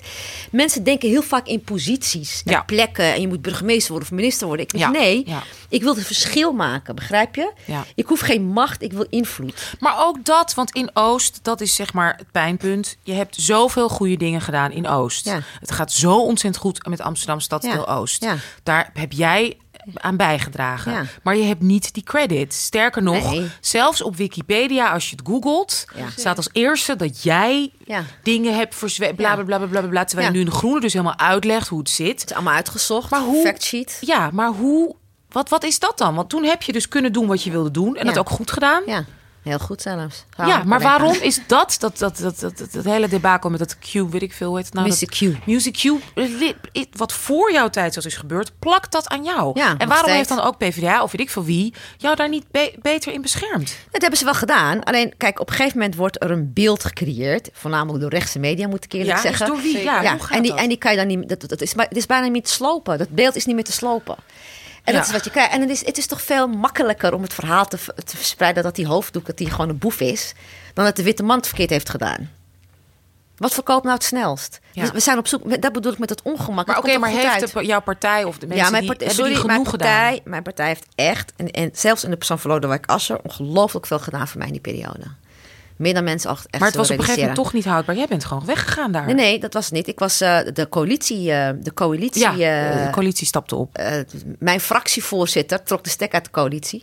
Het zijn 55 dagen zonder coalitie geweest. Toen ben ik weer teruggekomen, zeg maar 55 dagen later. Ja, het was heftig. Maar waarom heeft, heeft diegene dus jouw partner hè, Mhm. de stekker eruit getrokken op dat moment? Nee, omdat het debat gewoon niet goed liep in die raad. Dus hij had zoiets van, ja, dit werkt niet, weet je. Dit, dit, gaat, dit gaat vaak. Niet, dit niet naar mij toe gericht. Het was gewoon Ja, ja, maar dat in, dat, in, dat, in, in, eh, in dat debat gebeurde dat gewoon. Het was een verhit debat. En voordat hij het wist, trok hij die stekker eruit. En de volgende dag had hij al spijt. En dacht, oh, dat had ik niet moeten doen. Maar het is allemaal weer goed gekomen. In de zin, ik ben- Ja. weet je, we zijn gewoon weer verder gegaan. We hebben Oost afgemaakt en zo. Maar wat, wat, die dingen blijven hangen. En je moet ook gewoon... Het zijn, er zijn gewoon ook kwade mensen in de samenleving... die niks anders doen dan Wikipedia van andere mensen kapot maken. Ik kijk al niet meer op Wikipedia. Nee. Ik zei tegen Monier toen hij me ging interviewen... samen wel, Google me niet. Ja, hij wel. En ik, waar ik blij mee ben in het artikel, is dat ik zeg: luister, je hoeft niks aan te nemen wat ik zeg. Ga het me allemaal onderzoeken. Die is al die dossiers gaan opzoeken. Ik zeg: er is een onderzoeksrapport geweest van, over Music Q. Alsjeblieft, een raadsonderzoek, een jaar lang.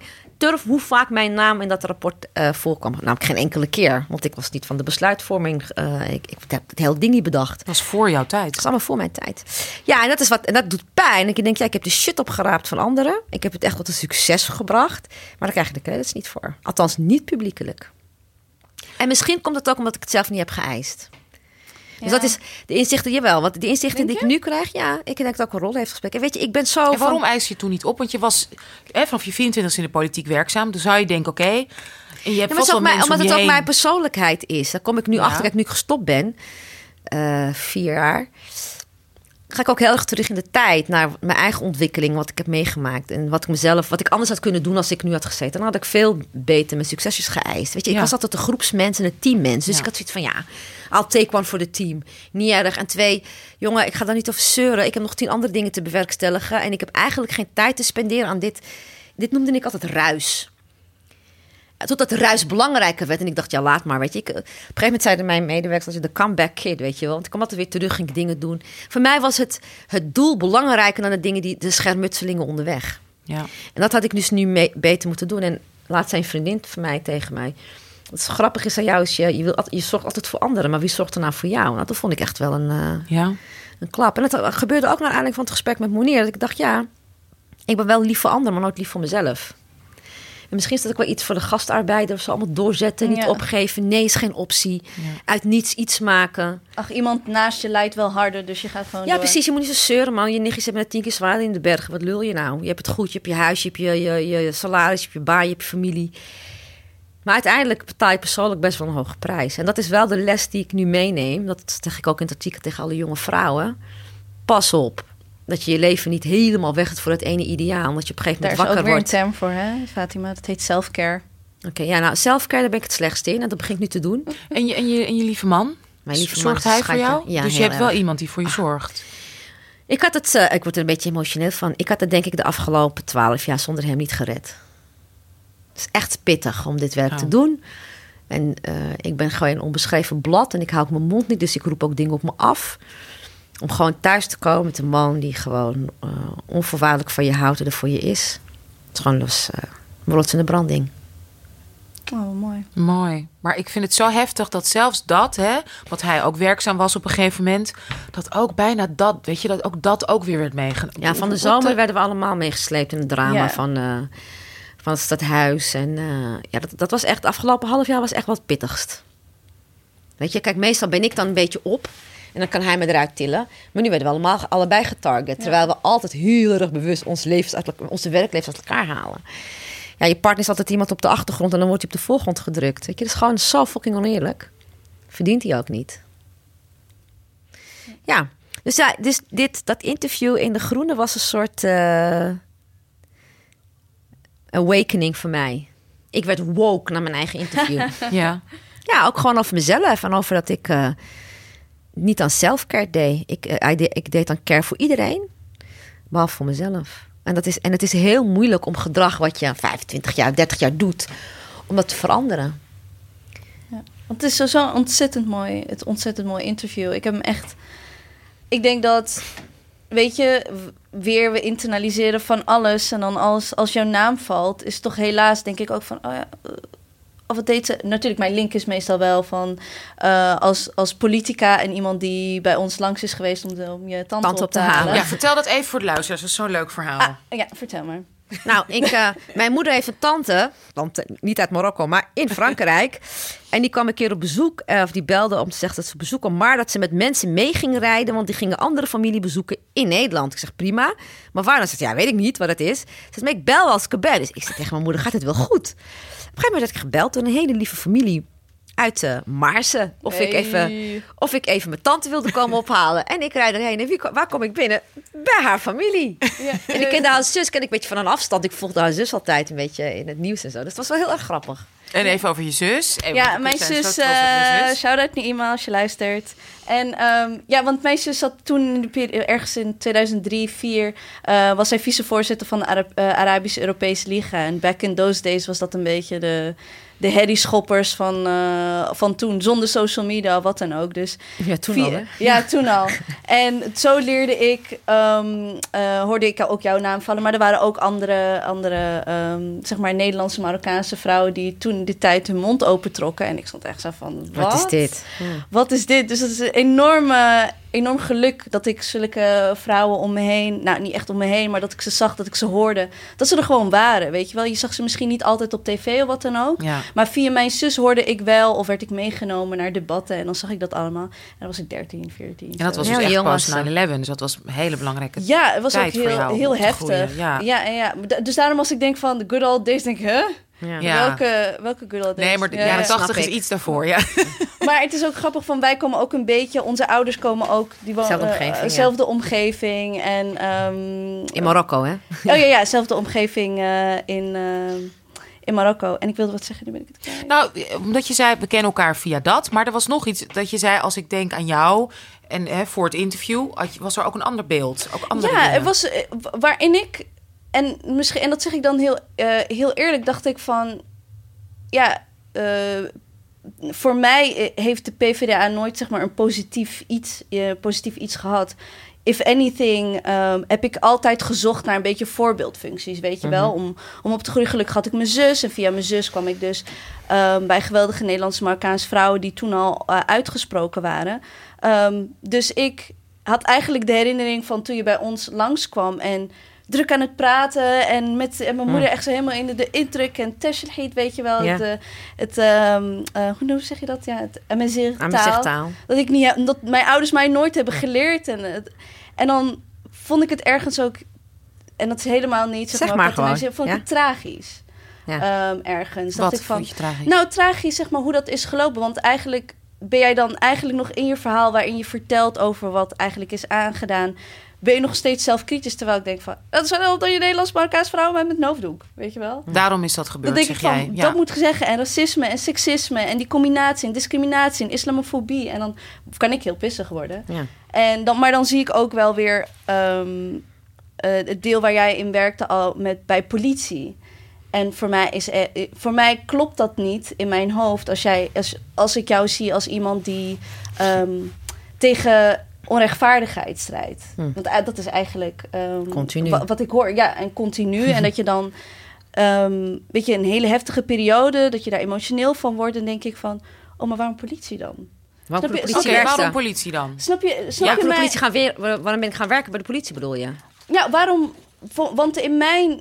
En ik denk dat heel veel luisteraars dat ook hebben. Ja. Is, is politie is eigenlijk de lange hand van een systeem dat ons eigenlijk continu onderdrukt. Dus er is hoe je het went of keert, hoe divers je het maakt, hoeveel workshops, de taak van de politie is, is agressief en is gewelddadig. En dat hoeft niet te zijn, als ik zeg gewelddadig of violent, ehm, hoeft dat niet te zijn elke dag slaan of stokken. Maar het feit al dat zij langs rijden, dingen controleren, is voor mij heel erg, is een van de grootste onderdrukkingen eigenlijk. Ja, ja, ik zie dat niet zo. ik zie niet eh, de politie als eh, per definitie een onderdrukkingsapparaat. Ik zie eh, de rol van de politie, vind ik, het handhaven van de openbare orde en veiligheid. En het beschermen van de veiligheid van mensen. Dat vind ik de primaire rol. Maar is dat niet gewoon echt een. Is dat niet hetzelfde als wij gaan een leger sturen naar Irak, we maken het veilig? Nee. Nee, want kijk, daar heb je, het over een, je hebt het daar over een oorlogssituatie. Nee, ik, heb het over, ehm, woorden gebruiken. Nee, maar ik heb het hier over de samenleving zoals die is. Eh, waarom ik voor de politie ben gaan werken, is omdat ik ook zag dat dit ging gebeuren. Namelijk, dit beeld ontstaat. En dat ontstaat niet omdat mensen vooroordelen hebben, ontstaat omdat gewoon dingen gebeuren die echt niet kunnen. En het ontstaat doordat er een, een frictie is tussen de oorspronkelijke doelstelling of professionele code van het instituut politie in relatie tot de samenleving die snel verandert. Dat zag je heel erg in Amsterdam. Of het nou over etnisch profileren ging, of over eh, hardhandige arrestaties, uit de hand gelopen arrestaties, wantrouwen over en weer. Ik ben voor de politie gaan werken omdat ik gevraagd ben om te komen adviseren. Want een, in Amsterdam een hoofdcommissaris heb je gedacht van ja, dit kan niet zo. Snap je? Wij moeten, de saam, wij moeten de politie worden van iedereen. En dat doe je niet door op afstand te gaan staan. Want dan krijg je dit soort verhalen. En jouw verhalen moet de politie horen om te weten hoe het overkomt op mensen. Want Maar het is niet dat het zo overkomt op mij. Het is in die instituut zijn gewoon wetten, statuten die er. Ik bedoel, het is onderdrukkend om te zeggen: daar mag je niet staan, daar moet je dit doen, hier moet je dit. Dat is wat ik. Ja, maar het staat niet in de wet. Dus, dus, dus het, Nee, het, het heeft, is- het het heeft is- altijd te maken met de discretionaire bevoegdheid van een agent om een wet toe te passen. Dus wat wij vaak zeiden tegen agenten: je hoeft niet zo op te treden. Je kunt ook op andere manieren datgene bewerkstelligen wat je wil bewerkstelligen als je in een gebied of in een staat of in een buurt vrede en veiligheid moet brengen, zonder te grijpen naar de macht. Omdat je inzet op macht, dan heb je het eigenlijk al een beetje verloren. Maar Dus dat is al bij default. Snap je? Ik, ik zit er het is heel- niet bij ik zit- default. Ik zit helemaal aan, ik zit maar- zeg maar aan de achterkant of aan de voorkant of aan de achterkant van politie dat handhaving is oppressive. nee, it's not. It can be oppressive, but it's, it, it, it doesn't have Maar to in be de oppressive. essentie is het, is het controlerend. En alles wat controlerend is, is eigenlijk oppressive. Daarom zeg ik, ik zeg niet maar dat... maar dat, is, dat, is, dat, is, dat is een interessante theorie. Maar in de praktijk betekent het... jij kunt in jouw straat veilig s'avonds laat binnenkomen, la, la- eh, eh, thuiskomen... omdat een deel van de controle ervoor zorgt dat het veiliger is gebleven. Maar wat is dan de definitie van veilig? Jij bepaalt wat veilig is. Ik vind veilig bijvoorbeeld dat je, dat, je, eh, dat je gezond en wel... met behoud van eigen lichamelijke integriteit je huis uit kan... als jonge vrouw van eh, 28... eh, en dat je om vier uur ochtends thuis gaat komen... dat er niks aan je huis is, dat je straat veilig is... dat je niet eh, lastiggevallen wordt, dat je niet overvallen wordt... dat je niet verkracht wordt, dat je niet ge- eh, aangerand wordt. Dat vind ik veilig. En een deel daarvan heeft te maken met de cultuur... waarin wij veiligheid organiseren in onze samenleving. Op het moment dat, dat jij in de shit komt en in de problemen komt... eerst wat je belt is de politie. En die bel je niet om jou alleen maar te redden... maar die bel je ook om je omgeving veilig te maken op dat moment. Dus ik vind... En dat, en dat ontslaat de organisatie niet naar de verantwoordelijkheid tegen, nou, ten opzichte van de samenleving. Ik heb gezegd, ik zei altijd tegen de politie: de burger is er niet voor jou. Jij bent er voor de burger. De burger betaalt belastinggeld zodat jij de buurt en zijn leven veilig maakt. maar ik, wat ik probeer te zeggen is dat, en dat vind ik, ik vind het heel interessant wat je zegt, maar ik ben, ik ben een, eh, ik kan me wel eens eh, dood eh, fixeren op dingen. Erg. Ehm, dus als jij zegt iets van mensen bellen de politie omdat het de eerste is waarin ze opkomen, dan ben ik het daar al, daar ben ik het al.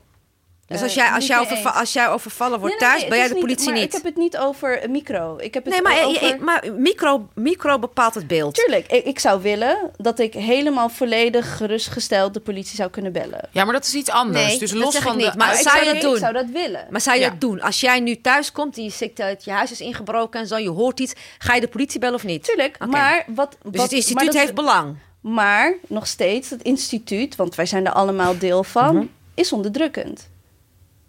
Het, de essentie daarvan, net als dat de essentie van Europees zijn.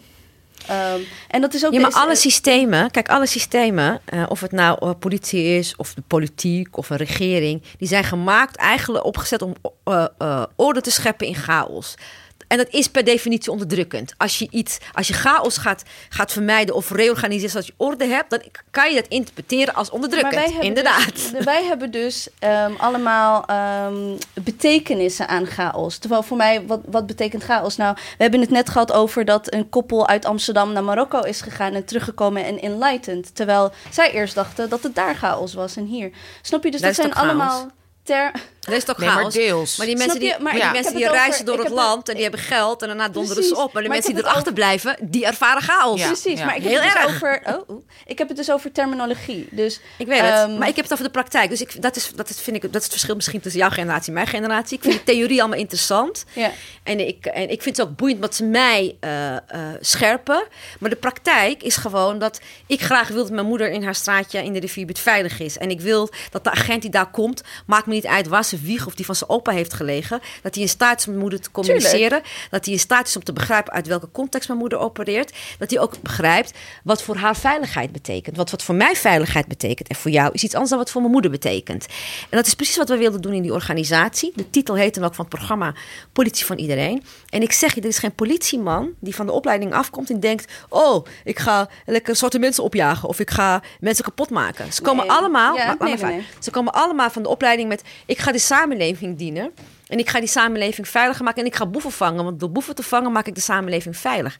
Gaandeweg gebeurt er iets in, die, in, in wat we beroepsdeformatie noemen. Hebben we allemaal Ja. last van in nou. En bij de opleiding al wordt daar al niet, wordt niet gesproken heel veel over hoe denk jij nou over de wereld. Nee, en ook over gewoon, als je wat vanuit is- de provincie opeens in Ja, Amsterdam wat is die, wat is die, wat is die stad waar je gaat werken? Weet je wat? eh, weet je, als je in En wat Zuid- zijn jouw vooroordelen? Met welke voordelen ben jij opgevoed? Wordt ook Ik heb bijvoorbeeld, ik zat dat ik gaven les op de academie, we hadden een, we hadden een cursus gemaakt op de politieacademie. En dan kwam ik altijd binnen en zei ik, ik heb een grote vooroordeel. Ik herken mijn vooroordelen. Ik heb een grote vooroordeel ten aanzien van witte mannen, bepaalde slag witte mannen. Ik zeg, ik ga eens eventjes karikatuur schetsen. Het is meestal grote gast, een beetje spierballen, misschien een tattoo of zo. Soms wel kaal, blauwe ogen, die een beetje nors kijkt. Dat is mijn vooroordeel van de witte man. En dan zag je al die studenten kijken. Ik zeg, maar weet je, maar omdat ik me bewust ben van mijn vooroordeel, weet je wat ik dan doe? Als ik ergens op het terras zit en zit zo'n man naar me te kijken, dan ga ik een beetje verleidelijk zo lachen, dan lok ik een glimlach uit. En als die man teruglacht, dacht ik, oh, jij bent het niet. Want in mijn beeld zijn dat de mannen die braaf met hun badslippers en sportsokken en badjas achter hun laptop zitten en mij jarenlang nare dreigende mailtjes sturen en berichten. Dat is mijn vooroordeel. Dus omdat ik me bewust ben van mijn vooroordeel, weet ik ook, ik moet daar iets aan doen. Het is aan mij om niet elke andere witte, blonde, eh, blonde blauwogige witte man op die manier te, te benaderen. En dus wat ik vroeg aan de politiemensen, is wees je nou bewust van je eigen vooroordeel. Wees je bewust van je Ja. eigen vooroordeel.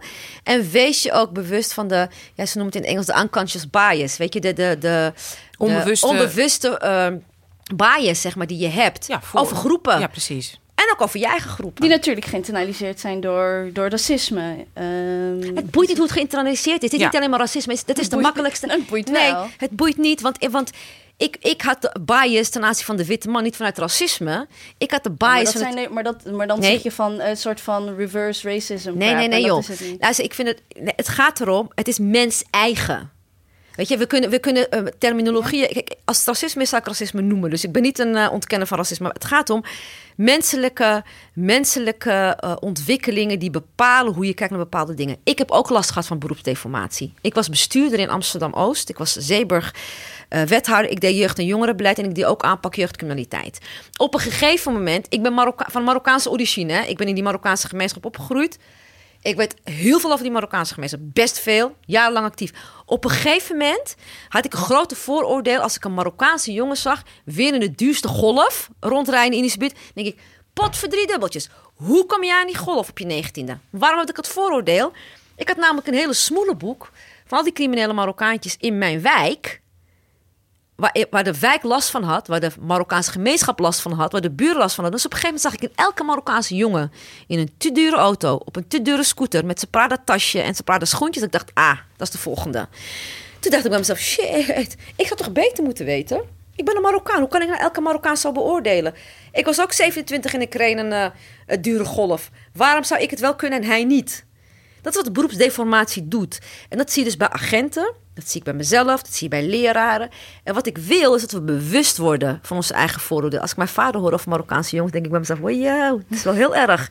Dus, dus ik vind het te makkelijk om, om het weg te zetten. Ja, het is, het, en niet eerlijk te nee, zijn over dat, het menselijk aspect. Ik zeg, het, ik zeg het niet dat het uh, weg is gezet. Nee, maar even zeg... alle misschien even om het te relativeren. Natuurlijk, je hebt ook beroepsinformatie, speelt ook mee. Maar we moeten ook niet vergeten dat kinderen van vier jaar oud al zo zijn geconditioneerd. Ja, dat ook kinderen van kleur en ook zwarte kleur zichzelf al minder vinden. Ja, maar dat, vier maar, jaar, dan ja. zijn ze nog niet eens op de basisschool. En, ja. dus, dus, dus het systeem, de samenleving, wat een onwijze invloed dat heeft is gigantisch groot. De druk is groot. Dat, ja, de druk, maar de druk is groot. Maar we hebben het nu het, we hebben, het, over het instituut. Vierjarige kinderen met zwarte ouders die gewoon zeggen... Ja. nee, wij wonen in een kleiner huis dan mijn witte vriendje. Ja. En dat zwarte jongetje slaat dat witte. Dat, dat, dat blijkt nog steeds uit alle tests. Ja, maar, kijk, ik maar, niet, maar daarom, dat maar is daarom, wel iets heel nee, maar, concreets. Hè? Nee, maar ik ontken dat niet, wat ik zeg. Want wij, wat anders gaan we van de ene ja. naar de andere. We hadden het over de politie. Ja. En nee, maar goed, maar met waarom dat... ik voor de politie ben gaan werken... is omdat ik wil dat de politiemensen zich bewust zijn...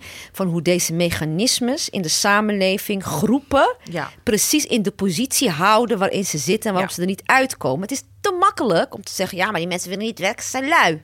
Nee, ze worden gewoon uitgesloten. Ze mogen niet komen, ze mogen niet komen solliciteren. Dus ik wil een soort maatschappelijke realiteit inbrengen. Als je, het programma heet De Politie van Iedereen en de ondertitel was: Ken je wijk, ken je vak en ken je collega. Dus het gaat niet alleen maar over diversiteit in kleur. Het gaat over diversiteit in kennis, in vaardigheden, in methodieken. Ken je wijk betekent dus dat je moet weten wie dien jij eigenlijk? Wie dien je? Als jij een restaurant hebt en je wil eigenlijk vegetariërs bedienen, maar je doet alleen maar vleesgerechten, dan ben je fokt op gek. Ja, nou, ik, wa, ja, waar ik het okay. verschil in vind, is dat bijvoorbeeld we. Um, nou ben ik opeens de verdediger van de politie hier, oké.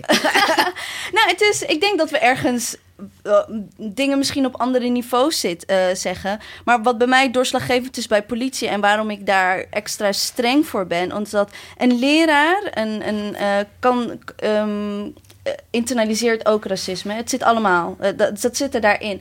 Alleen een leraar heeft ergens anders, elders een macht. Die kan beslissen over onderwijs bijvoorbeeld. Mm -hmm. Een politie uh, het instituut politie is een lange arm van het witte suprematie, kapitalistisch, seksistische wereld waarin wij leven. Wow. Dus dat geeft heel veel macht. Waarin ik denk van waarom zou een persoon van kleur onderdeel willen worden van dat macht? Ik word niet trots als ik een vrouw in een F-16 bommen zie gooien op Jemen.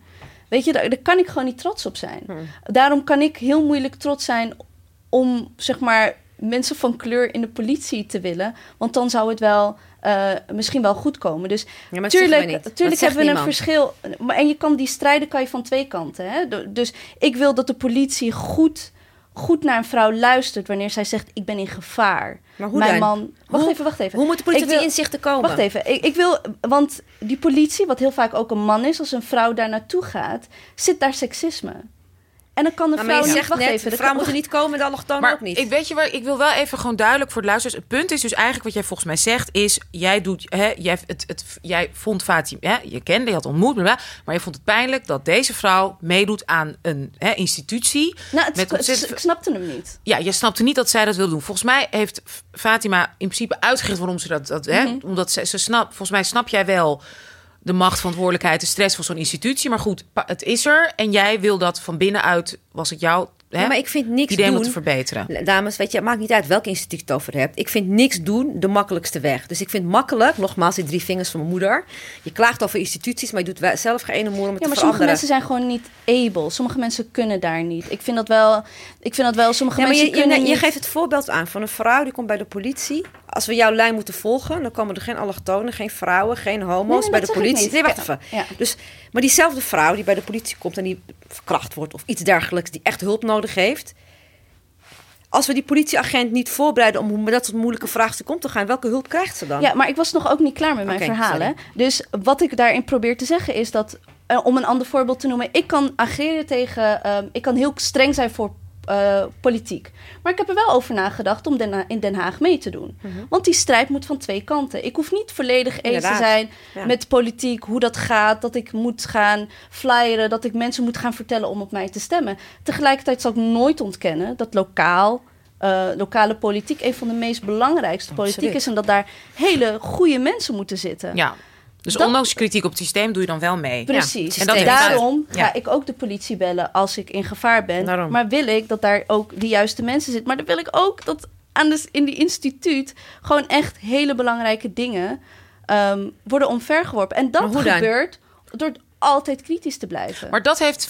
maar dat heb jij. deed. Ik wil gewoon Hallo, toch eh, nu verder eh, daarin, want dat heb jij wel geprobeerd. Nou ja. Maar je ziet dus hoe duur dat je dat is komen te staan. Nee, kijk, ik, eh, ik was eh, alleen maar kritisch. Daar werd ik op. eh, Ja. Letterlijk, de hoofdcommissaris toen hij mij introduceerde bij de politie, zei hij, Fatima is mijn eh punaise, zei hij altijd. Zo van, als ik, als ik let, oh, lekker op mijn gemak wil zitten, moet ik hem voelen, moet ik wakker worden. En hij zei vaak, ja, Fatima vertelt me de dingen die ik niet wil horen, maar wel moet horen. En het waren pittige gesprekken.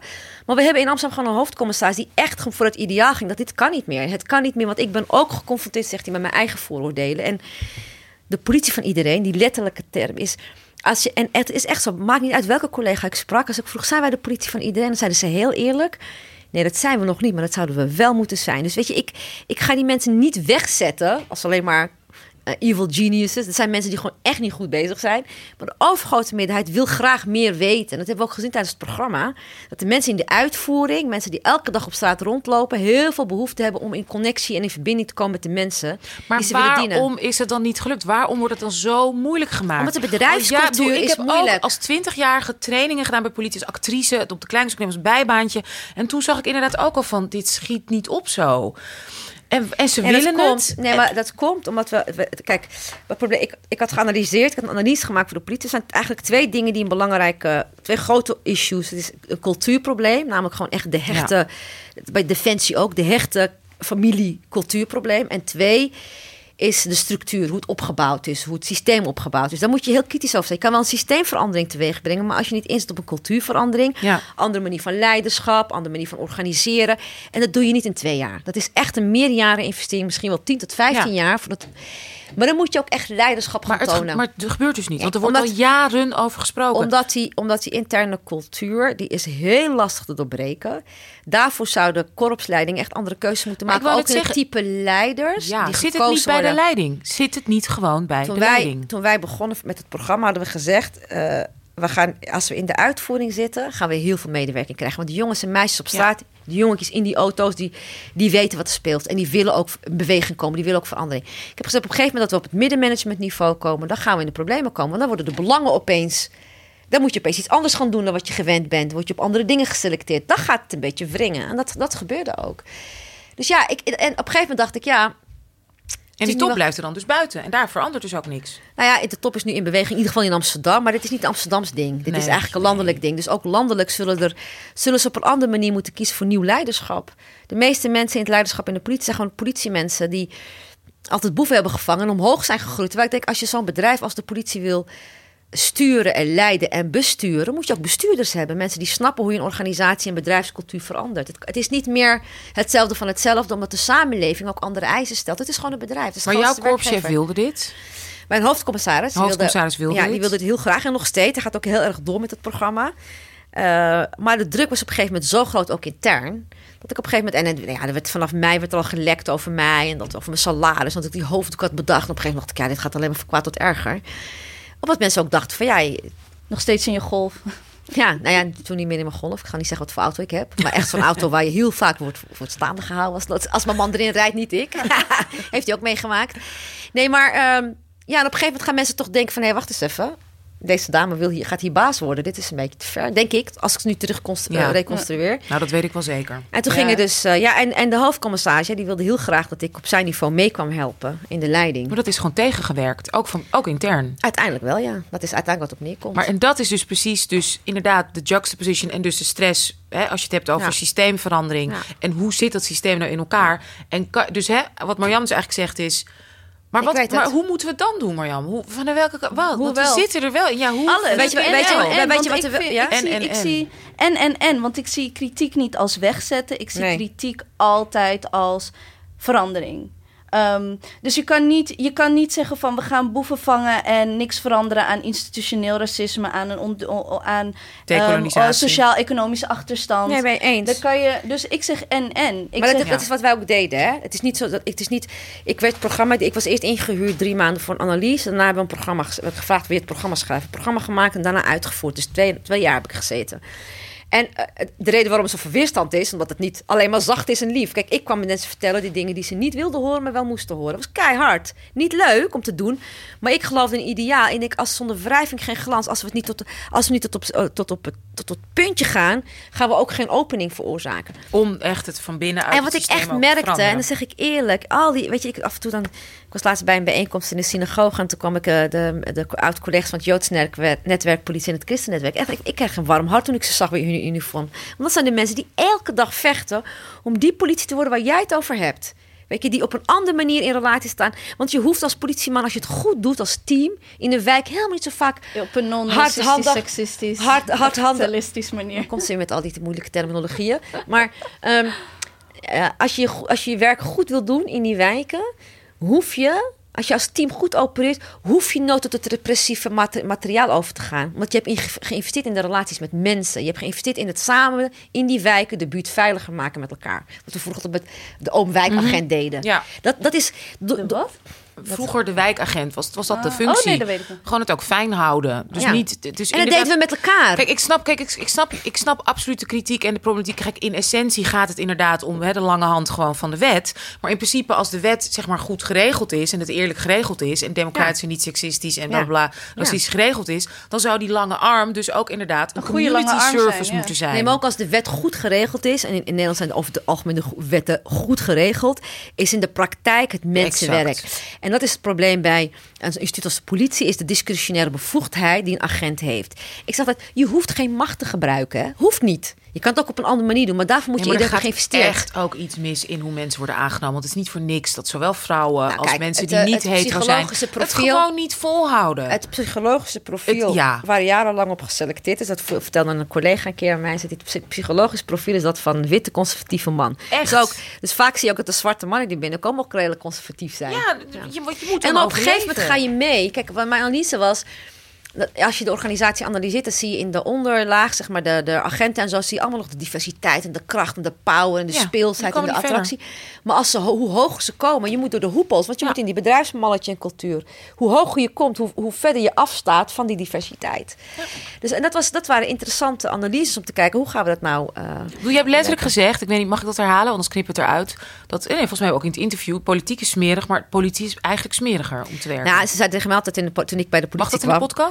Toen Even ik- voor alle duidelijkheid. toen ik, ik, ja, toen ik eh, bij de. Toen ik bij eh, de politie kwam, zei ze tegen me van ja, maar je komt uit de politiek, het is allemaal zo vals. En dacht ik, nou, eh een ondoorzichtig en niet transparant. Ik, ik vond de politiek heel transparant. Want je wist precies, dat was de VVD, dat was GroenLinks, dat was een D66. Je wist precies wat ze wilden, wat hun punten waren en wat het spel was aan het spelen waren. Bij de politie wist ik het gewoon niet. Nee. Iedereen is bang en iedereen is bezig met zijn eigen beschermen van zijn eigen hachie. Wat ik in principe snap, want dat is het systeem. Maar ik dacht, we gingen dat systeem doorbreken. Want anders krijg je Ja, geen exact. verandering en fluïde en beweging. Maar daar zijn we. Jij dacht, we gaan het systeem doorbreken. Dacht, En, we. en maar, we, maar Marjam zegt, nee, dat is gewoon nooit de bedoeling geweest. Maar wat nu? Wat, wat, hoe gaat het nu met jou? En wat, maar wat mij ga gaat je het op zich doen? eigenlijk op zich goed. Zorg je voor, doe je aan selfcare? Ik doe nu heel veel aan zelfcare, wat ik vroeger nooit deed. Dus ik heel vaak krijg ik vragen aan mensen, wil je dat doen? Wil je dat? Nee, ik wil nu even gewoon tijd voor mezelf. Ik ben sowieso gewoon bezig mijn eigen verhaal op papier te zetten. Ja? Oh, wat goed. Ja. Biografie. Nee, daar ben ik veel te jong voor. Dat doe ik pas op mijn 65ste. Oh, oké. Maar, wel, eh, maar wel een beetje mijn ervaring tot nu toe. Is maar gewoon voor mezelf om te weten wat. eh, Maar ook, ik krijg heel veel verzoeken van jonge vrouwen. met mijn achtergrond. Ook zeker naar het artikel van: nee, mag ik koffie met je drinken? Mag ik met je praten? Heb je dat gedaan? Toen dacht ik, ja, daar moet ik misschien wel een keertje iets gewoon over gaan schrijven. Zodat ze ook een beetje. Ja. Want ik weet toen ik opgroeide en eh, actief werd, en dan werd ik vaak geïnterviewd. Wie zijn je voorbeelden? En ik, ja, mijn moeder, Oprah Winfrey. Maar ik, in Nederland, ik had geen voorbeelden in Nederland van vrouwen die zich niet in een hokje wilden laten duwen. Nog steeds niet, eerlijk gezegd. Dus dacht ik, ja, maar misschien als ik zoveel vragen krijg van al die jonge vrouwen, misschien moet ik ze gewoon eh, een keertje gaan beantwoorden. Zo van luister, gewoon blijf je eigen koers varen. Laat je niet door niemand indoctrineren. Niet door je vader, niet door je man, niet door de gemeenschap, niet door het met- systeem. ja, ik ben, maar met wat er allemaal met jou is gebeurd en de tegenwerking, inderdaad, gewoon niet de credits krijgen voor de dingen die wel heel Ja. goed zijn gegaan. Is dat nog? Dat is jouw tip? Gewoon doorgaan, gewoon. Ja, maar wel, wel balans houden, wat ik nu zeg, is voor, eh, ook goed voor jezelf zorgen. Dus ook voor jezelf opkomen. Kijk, ik- het gaat over de, de lessen die ik zelf heb geleerd. Ik was zo begaan met de samenleving en alles voor het doel, dat ik uit het oog verloren. Maar er is ook nog een Fatima die ook iets eh, eh, nodig Ja. heeft en die ook iets verdient. Ja, een vriendje van mij zei, je bent heel goed in geven, maar je bent niet zo, zo moeilijk, je bent zo slecht in ontvangen. Toen dacht ik, nou, je spoort niet dat je dat zegt. Hm, Helemaal niet. En nu denk ik, ja, je hebt gelijk. Ik kon vroeger ook geen complimenten accepteren. Als mensen zeiden, oh, dat heb je goed gedaan. dacht ik, nee joh, dat hebben we als team gedaan. Nu denk ik, hell yeah, heb ik gedaan. Ja. Dat is echt, dat is, dat, dat dekende jaren geleden niet. En de wereld verbeteren, of met andere woorden, het systeem omverwerpen. Nog steeds. Tot aan mijn dood. En hoe? Wa- Wat is je volgende stap daar nu in? Nou, ik wil gewoon andere dingen doen wat ik altijd deed. Weet je, ik heb twintig jaar van mijn leven in de politiek gezeten. En nu wil ik eh, ja, eens kijken of ik nog een creatieve slag heb. Of heb ik nog creatieve genen? Is er iets wat ik creatiefs kan doen? Ik ben gewoon mezelf aan, aan het eh, ontdekken. En ik wil graag al mijn capaciteiten en mijn competenties en ervaringen inzetten om misschien andere systemen te gaan veranderen. Maar ik vind eh, het stilzitten, niks doen, is geen optie. Dat kan, maar dan moet je je mond houden. Dan moet je niet gaan klagen meer. Even voor Oei, de luisteraars, wat zijn dingen... Nee, je mag ook wel klagen, toch? Wij zijn wel van- Ja, ja, ik ben altijd van als mensen. Niet iedereen heeft de. Kap, eh, niet iedereen. En dat bewonder ik jou. En, Ja, maar ik klaag op een andere manier dan jij. Hè? Dus Oh, ik, ik kan dan beter gewoon beginnen te zeggen van... oké, Vaat, je hebt zoveel ideeën hoe het anders moet.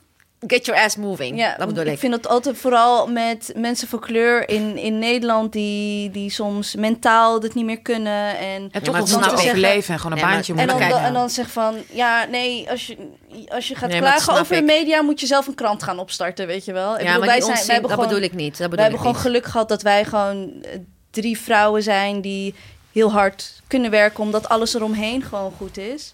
Maar daarom is zijn- zijn podcasts als die van jullie ook zo van belang. Omdat het andere verhaal, het alternatieve verhaal naar buiten moet.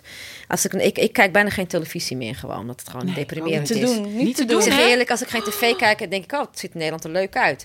Maar al die talks... Ja, zo- oh my, echt Al die hè? talks. Ik heb alleen maar tv voor Netflix. En het nieuws check ik alleen nog op mijn telefoon.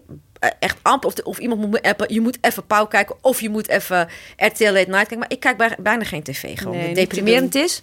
Ik, heb wel een, ik ben een Netflix-junk. Dus ik kijk heel veel Netflix. Ik maar wil het ook nog alternatief, even- het ja. alternatief... Het alternatieve verhaal moet naar buiten komen. Dus toen ik stopte in de politiek, zei ik... het is tijd voor nieuwe verhalen verteld. Dus ik vind dat jouw generatie nu het podium moet krijgen om het verhaal te vertellen. Want ons verhaal is een beetje niet oud, maar het is anders. Ja, en deze nieuws. tijd eist voor andere... eh, vraagt ook om aandacht voor andere vraagstukken... die wij misschien niet meer hebben. Want ja, inmiddels zijn wij ook 40 Mensen, ik ga alleen verder met de podcast. wij zijn, wij zijn inmiddels ook 40-plussers. We leven ook op een bepaald niveau, op een bepaalde stand. En het, het zorgt ervoor dat je heel veel dingen eigenlijk niet meer zo goed kunt relateren. Daar moeten we ook eerlijk over zijn. Dus Nou, ik vind wel dat Anousha bijvoorbeeld mij heel erg scherp houdt in van als ik denk zo. We hadden het net over de, ehm, de verkiezingen en dat er, weet je, dat er andere, dat er andere geluiden zijn en zo. En dan word ik heel enthousiast en dan zie je Anousha kijken, ja, maar lieve schat, weet je, je over? uiteindelijk is dit al zo lang gaande en dit is en dat houdt mij wel zeg maar real. Ja, maar daar zijn jullie een goede dan- combinatie. Kijk, Ja. dit is een goede combinatie, want dit is, dat maakt het verhaal ook wat completer. Ja. En ik, ik hou van verhalen van mensen. En ik vind dat we toch gewoon meer verhalen van mensen moeten Meer horen. vragen, maar ik wil ook even jouw verhaal. Want Oké. waar ben je trots op wat, wat jij... Ik wil even credits, dat jij gewoon de credit neemt voor iets wat jij hebt bereikt. in Ik ben trots op, de, ik ben trots op eh, de Indische buurt. De, de totale vernieuwing van de Indische buurt, sociaal, economisch en fysiek. Eh, En dat is niet alleen gentrification. Nee, nee, want ik, kijk, ik, ik- toen we begonnen dacht ik, het moet niet de pijp gaan worden. Want dan is het gewoon, het is, de pijp zeg ik altijd, het is gelukkig dat we de Albert Kuip hadden daar. Want dat was de spookcity overdag. Want iedereen moest gaan werken om die dure huizen te bouwen. Dus we wilden wel een betere wijk, maar waar, waar een goede mix is van bewoners. Waar grote groepen mensen gewoon nog kunnen blijven wonen. Maar waar ze ook kans hebben om te groeien. Maar we wilden ook een wijk waar het economisch beter ging. Zodat ook die kinderen het beter gaan krijgen. En die scholen beter gaan worden. Dus we hebben fysiek geïnvesteerd, sociaal en economisch. Maar we wilden het niet. Het moest geen jippenbuurt worden. Daar waren we echt heel erg eh, bang voor dat dat ging gebeuren. Dacht, dat moet, dat moet niet gebeuren. Dus ik ben heel blij hoe hoe het is. En ook hoe we hoe ze blijven gaan stimuleren dat de interactie tussen de groepen ook gewoon blijft ontstaan. Dat mensen zelf het heft in eigen handen konden nemen. En niet steeds afhankelijk werden van welzijnsclubs die dingen voor ze gingen organiseren. Daar ben ik trots op. Ik ben heel trots op de veiligheid in, uh, in Oost. En zeker in de Indische buurt. Want toen ik daar kwam, 2002, was het echt, echt erg. En daar hebben we heel veel op ingezet met mensen zelf. Dus niet instituties alleen, maar met de mensen zelf. Om je eigen verantwoordelijkheid te dragen voor je veilige buurten. Ja, en ik heb zoveel mooie dingen gedaan. Ik heb, ik heb vijf, zes scholen gebouwd op Eiburg. De beste en de mooiste schoolgebouwen van Amsterdam. Ik heb... Ja, wat heb ik niet gedaan? Daar ben ik, ik ben gewoon trots op als ik daar rondloop. En ik woon er nog steeds. Dat ik eh, vergeleken met 2002 mensen zie van allerlei achtergronden... die gewoon gelukkig rondlopen met een gezicht. En, glimlach op gezicht. En weten als ik in het nauw kom... of ik heb het zwaar zijn in instituties waar ik terecht kan... die me kunnen helpen. En dat is ja, daar doe je het voor. Dat doe je het gewoon echt voor. En nog voor, want wij hebben veel jonge luisteraars. Uh, laatst ook weer, ik word zoveel, echt bedankt, shout-out, zoveel jonge mensen aangesproken die, die naar onze podcast luisteren, die daar ook heel veel informatie uit horen. Dus even voor jonge mensen, Stichting Giving Back. Ja. Voor scholieren. Hoe kan nu een jong scholier van kleur die luistert, die systeemverandering wil en nou ja, waar, moet, waar, waar nou, Giving Back gaat echt, het? Giving Back doen we via scholen. Dus je kan niet individueel aanmelden. Okay. Het gaat echt via school, omdat er een heel systeem uh, achter maar zit. je kan met je school, je kan tegen je ja. school zeggen, oké, okay, let's ja, go. Ja, je kan tegen school zeggen, luister, wij willen ook een mentorproject van Giving Back. Meld je aan bij Giving Back en uh, ik kan het op de website zoeken. En dan uh, selecteren wij uh, jongeren met een biculturele achtergrond, waarvan we allemaal zeggen, ja, die hebben talent, maar die hebben eigenlijk een, een duwtje in de rug nodig. En die koppelen dan aan een mentor uit het bedrijfsleven of het bank. Kortom, de beroepswens van zo'n kind, daar koppelen we een manager uit of een, of een mentor. Die gaat dan een jaar, anderhalf, twee jaar met die jonge, of jongen of meisje op pad. En wat je vaak ziet, is dat die leren, we leren ze ook heel veel skills. Hoe netwerk je op zo'n borrel, als je op zo'n bijeenkomst komt. Oh, ja. Want heel veel van die kinderen kunnen dat helemaal nee, niet. Want ze komen uit ja. gezinnen waar dat nooit... Wanneer kom je nou op een borrel? Ja, ik, ik weet nog dat ik zeg maar moest borrelen en netwerken. Toen zat ik gewoon in een hoekje op een ja. stoel. Dacht ik, iemand komt wel naar me toe, weet je wel. Ja. ik had er geen idee. Kwam je op Hollandse verjaardagen en zo. Je weet, je, je weet bijna hoe je moet gedacht. En ik, huh? En dat, Gefeliciteerd met Els. Maar iedereen, je moet ook iedereen gewoon feliciteren en zo. In een Weet je, dat, soort, dat soort codes leren we de kinderen ook. Maar wat je ziet is, ja, ik doe het nu al bijna twintig jaar, langer zelfs. Even kijken, ja. Die kinderen, die, even die jongeren moet ik zeggen, het zijn geen kinderen. Die worden enthousiast. Maar we hebben nu dus uh, mentoren die mentee waren. Die dus gewoon uh, oh. jongeren waren in de, in, de, in de eerste jaar, zeg maar, in de eerste groep. Dus ja, twintig jaar na dato, dan is het allemaal succesvol en banen en zo. En die proberen allemaal weer terug te doen, ook in hun eigen buurt, in hun eigen wijken. Het zijn allemaal manieren waarop je, ja, waarop je investeert in die samenleving. We hebben echt, kijk, we hebben echt een geweldig goed land. We hebben het echt goed hier met elkaar, maar we moeten wel met elkaar eerlijk durven het moeilijke gesprek aan te voeren. En wat ik, wat ik probeer te doen in Oost, ook in de Indische buurt, is het, ik noemde het de schurende gesprekken gewoon de moeilijke onderwerpen met elkaar bespreken. Nee, want, want dan kom je. Want, want, als ik jou niet eerlijk kan vertellen wat mij pijn doet. en jij kan me niet eerlijk vertellen wat jouw pijn doet. dan kom, komen we niet tot een veilige sfeer met elkaar. Ja. Maar als ik op mijn netvlies heb. elke keer als ik Anousha zie. dacht ik: oh ja, dat en dat deed haar pijn. dan ga ik daar rekening mee houden. Maar wij, kom, wij praten niet meer met elkaar. We praten over elkaar via social media, via Twitter en Facebook en al die onzin. Dit gesprek. Dit, daarom zijn podcasts ook zo fijn. Want ja, heb je ook de ben ik zo tijd. blij om. Absoluut. En zijn we zo blij dat jij hier bij ons bent. Hebben wij nog iets? Gaan wij gewoon nu naar onze, naar, naar onze uh, DDD's? Of heb jij, Marjan, want ik zie jou zo denken. Mensen, de luisteraars oh, ja, zien ik, dat niet. Ik ga hier nog echt een week zo Weet ik, ja, ja. Dus ik ken jou ondertussen. En ik zie Marjan echt... Denken, denken, denken, denken, denken. Wil je wat wil je nog zeggen? Wat wil je nog vragen? Ja, je ik denk dat dit. Ik denk dat precies wat er net werd gezegd. Dit soort gesprekken. Um, en dan ben ik echt meer geïnteresseerd in zeg maar, vrouw van kleur om met elkaar hierover te praten. Wat we um, nu ook hier doen. Dat, dat vind ik waardevol. Omdat, omdat die tijd en die ruimte heb ik voor mijn gevoel weinig, nee. weinig gehad of helemaal niet. Waarin Um, wij kunnen nadenken samen. En dat is niet eens kritiek op jou of wegzetten of wat dan ook. Dat is gewoon, laten we samen hierover nadenken. Ik leer iets van jou, leer je een uitwisseling. Dat Ja, is ik leer ook ik- weer iets van jou. Dat, en dat maakt het dus tot... En daarom, ik ga hier ook straks weg. En denk ik, hé, wat zijn Nijmen nou eigenlijk? Enfin, Oh, wij- maar jouw sorry, zus. sorry Ja. schat. Oh, sorry, zit ik fout nemen. Ik weet niet, story of my life. Ik ben blij dat je me geen Mohammed hebt Oh, genoemd. nee, sorry, want dat doet mijn moeder heel vaak. Dus ik Maar ik vind ga dus- prima. Ik ga dus op pad straks, dan ga ik hierover nadenken. En ik, hé, ze heeft me wel inzichten gegeven van die in eh, terminologieën die ik niet meer die ik niet gebruik omdat die niet van mijn tijd zijn. Dus je, je, je bent niet, de mens is geen statisch iets. Wat ik nu vind en denk, dacht ik twintig jaar geleden waarschijnlijk heel anders over. Maar door ervaringen, door vooral veel te luisteren naar mensen, heb ik weer nieuwe inzichten gehad. Ik dacht, oh ja, je zag het toch niet scherp genoeg. Het is nog scherper. Dat is wat de tijd bij de politie me heeft geleerd. Ik was helemaal niet zo hard bezig met het zwart-wit denken. Omdat in mijn, in mijn jeugdbeeld, wat jij ook hebt, is een andere. En toen ik bij zo'n zo'n moeilijk, zo'n afgesloten instituut als de politie kwam, toen werd ik me bewust hoe die systemen echt in het dagelijks leven van dat soort instituten werken.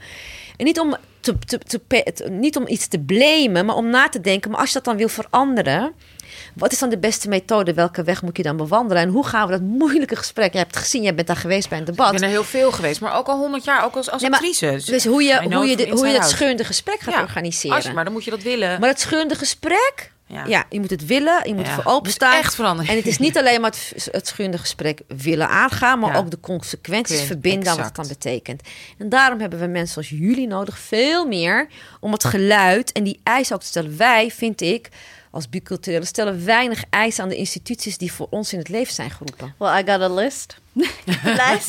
Maar we gaan nu naar onze andere lijst. Ja, we gaan naar de DDD's. Ken je die? Nee? En je vond, eh, je moet wel luisteren. Ehm, de DDD's staat voor drinken, dipsauzen en dansen. Oké. En dus jij krijgt drie namen van mensen, van, eh, Oh god. ja, van bekende Nellers. Nellis? En dan moet je kiezen wat je met die persoon gaat doen en waarom. Dus of dipsausen of drinken. Oh ja, moet ik, oh ja, dipsausen. ja, dus dipsaus. dipsau- Drinken, is- oh. ja, drinken weet je wel. Hoeft niet alcoholisch, maar mag wel. Mag ook Kijk. gewoon lekker thee, muntthee. Muntthee, Met de bakfiets. Dansen is ja, dansen. En dipsausen is Proeven. Eh, nee, is echt met elkaar in een groepsapp 24-7. Als je 10 minuten niet kijkt, zit je op 120 Ja, berichtjes van ik, ja. foto's van neefjes en bijstand. Besnijdenis, eh, disco, Ja. night, nights is dipsausen? out. Ja. Dat is dipsausen. Jalla, vertel. Oké, jalla. Sylvana Simons, Jinek, John de Mol. En en bij elk moet je maar één Ja. dingetje kiezen. Ja. Muskila. Muskila betekent probleem. Oh, sorry. Ehm Kievers. Even kijken. Sylvana, Jinek en... John de Mol. Ja. Eh, Die ANP heeft gekocht, hè?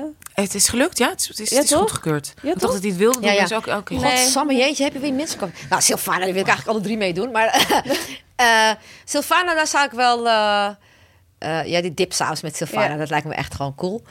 Dat doe ik namelijk al. Hey, nieuwsflash. Ehm ja, John de Mol.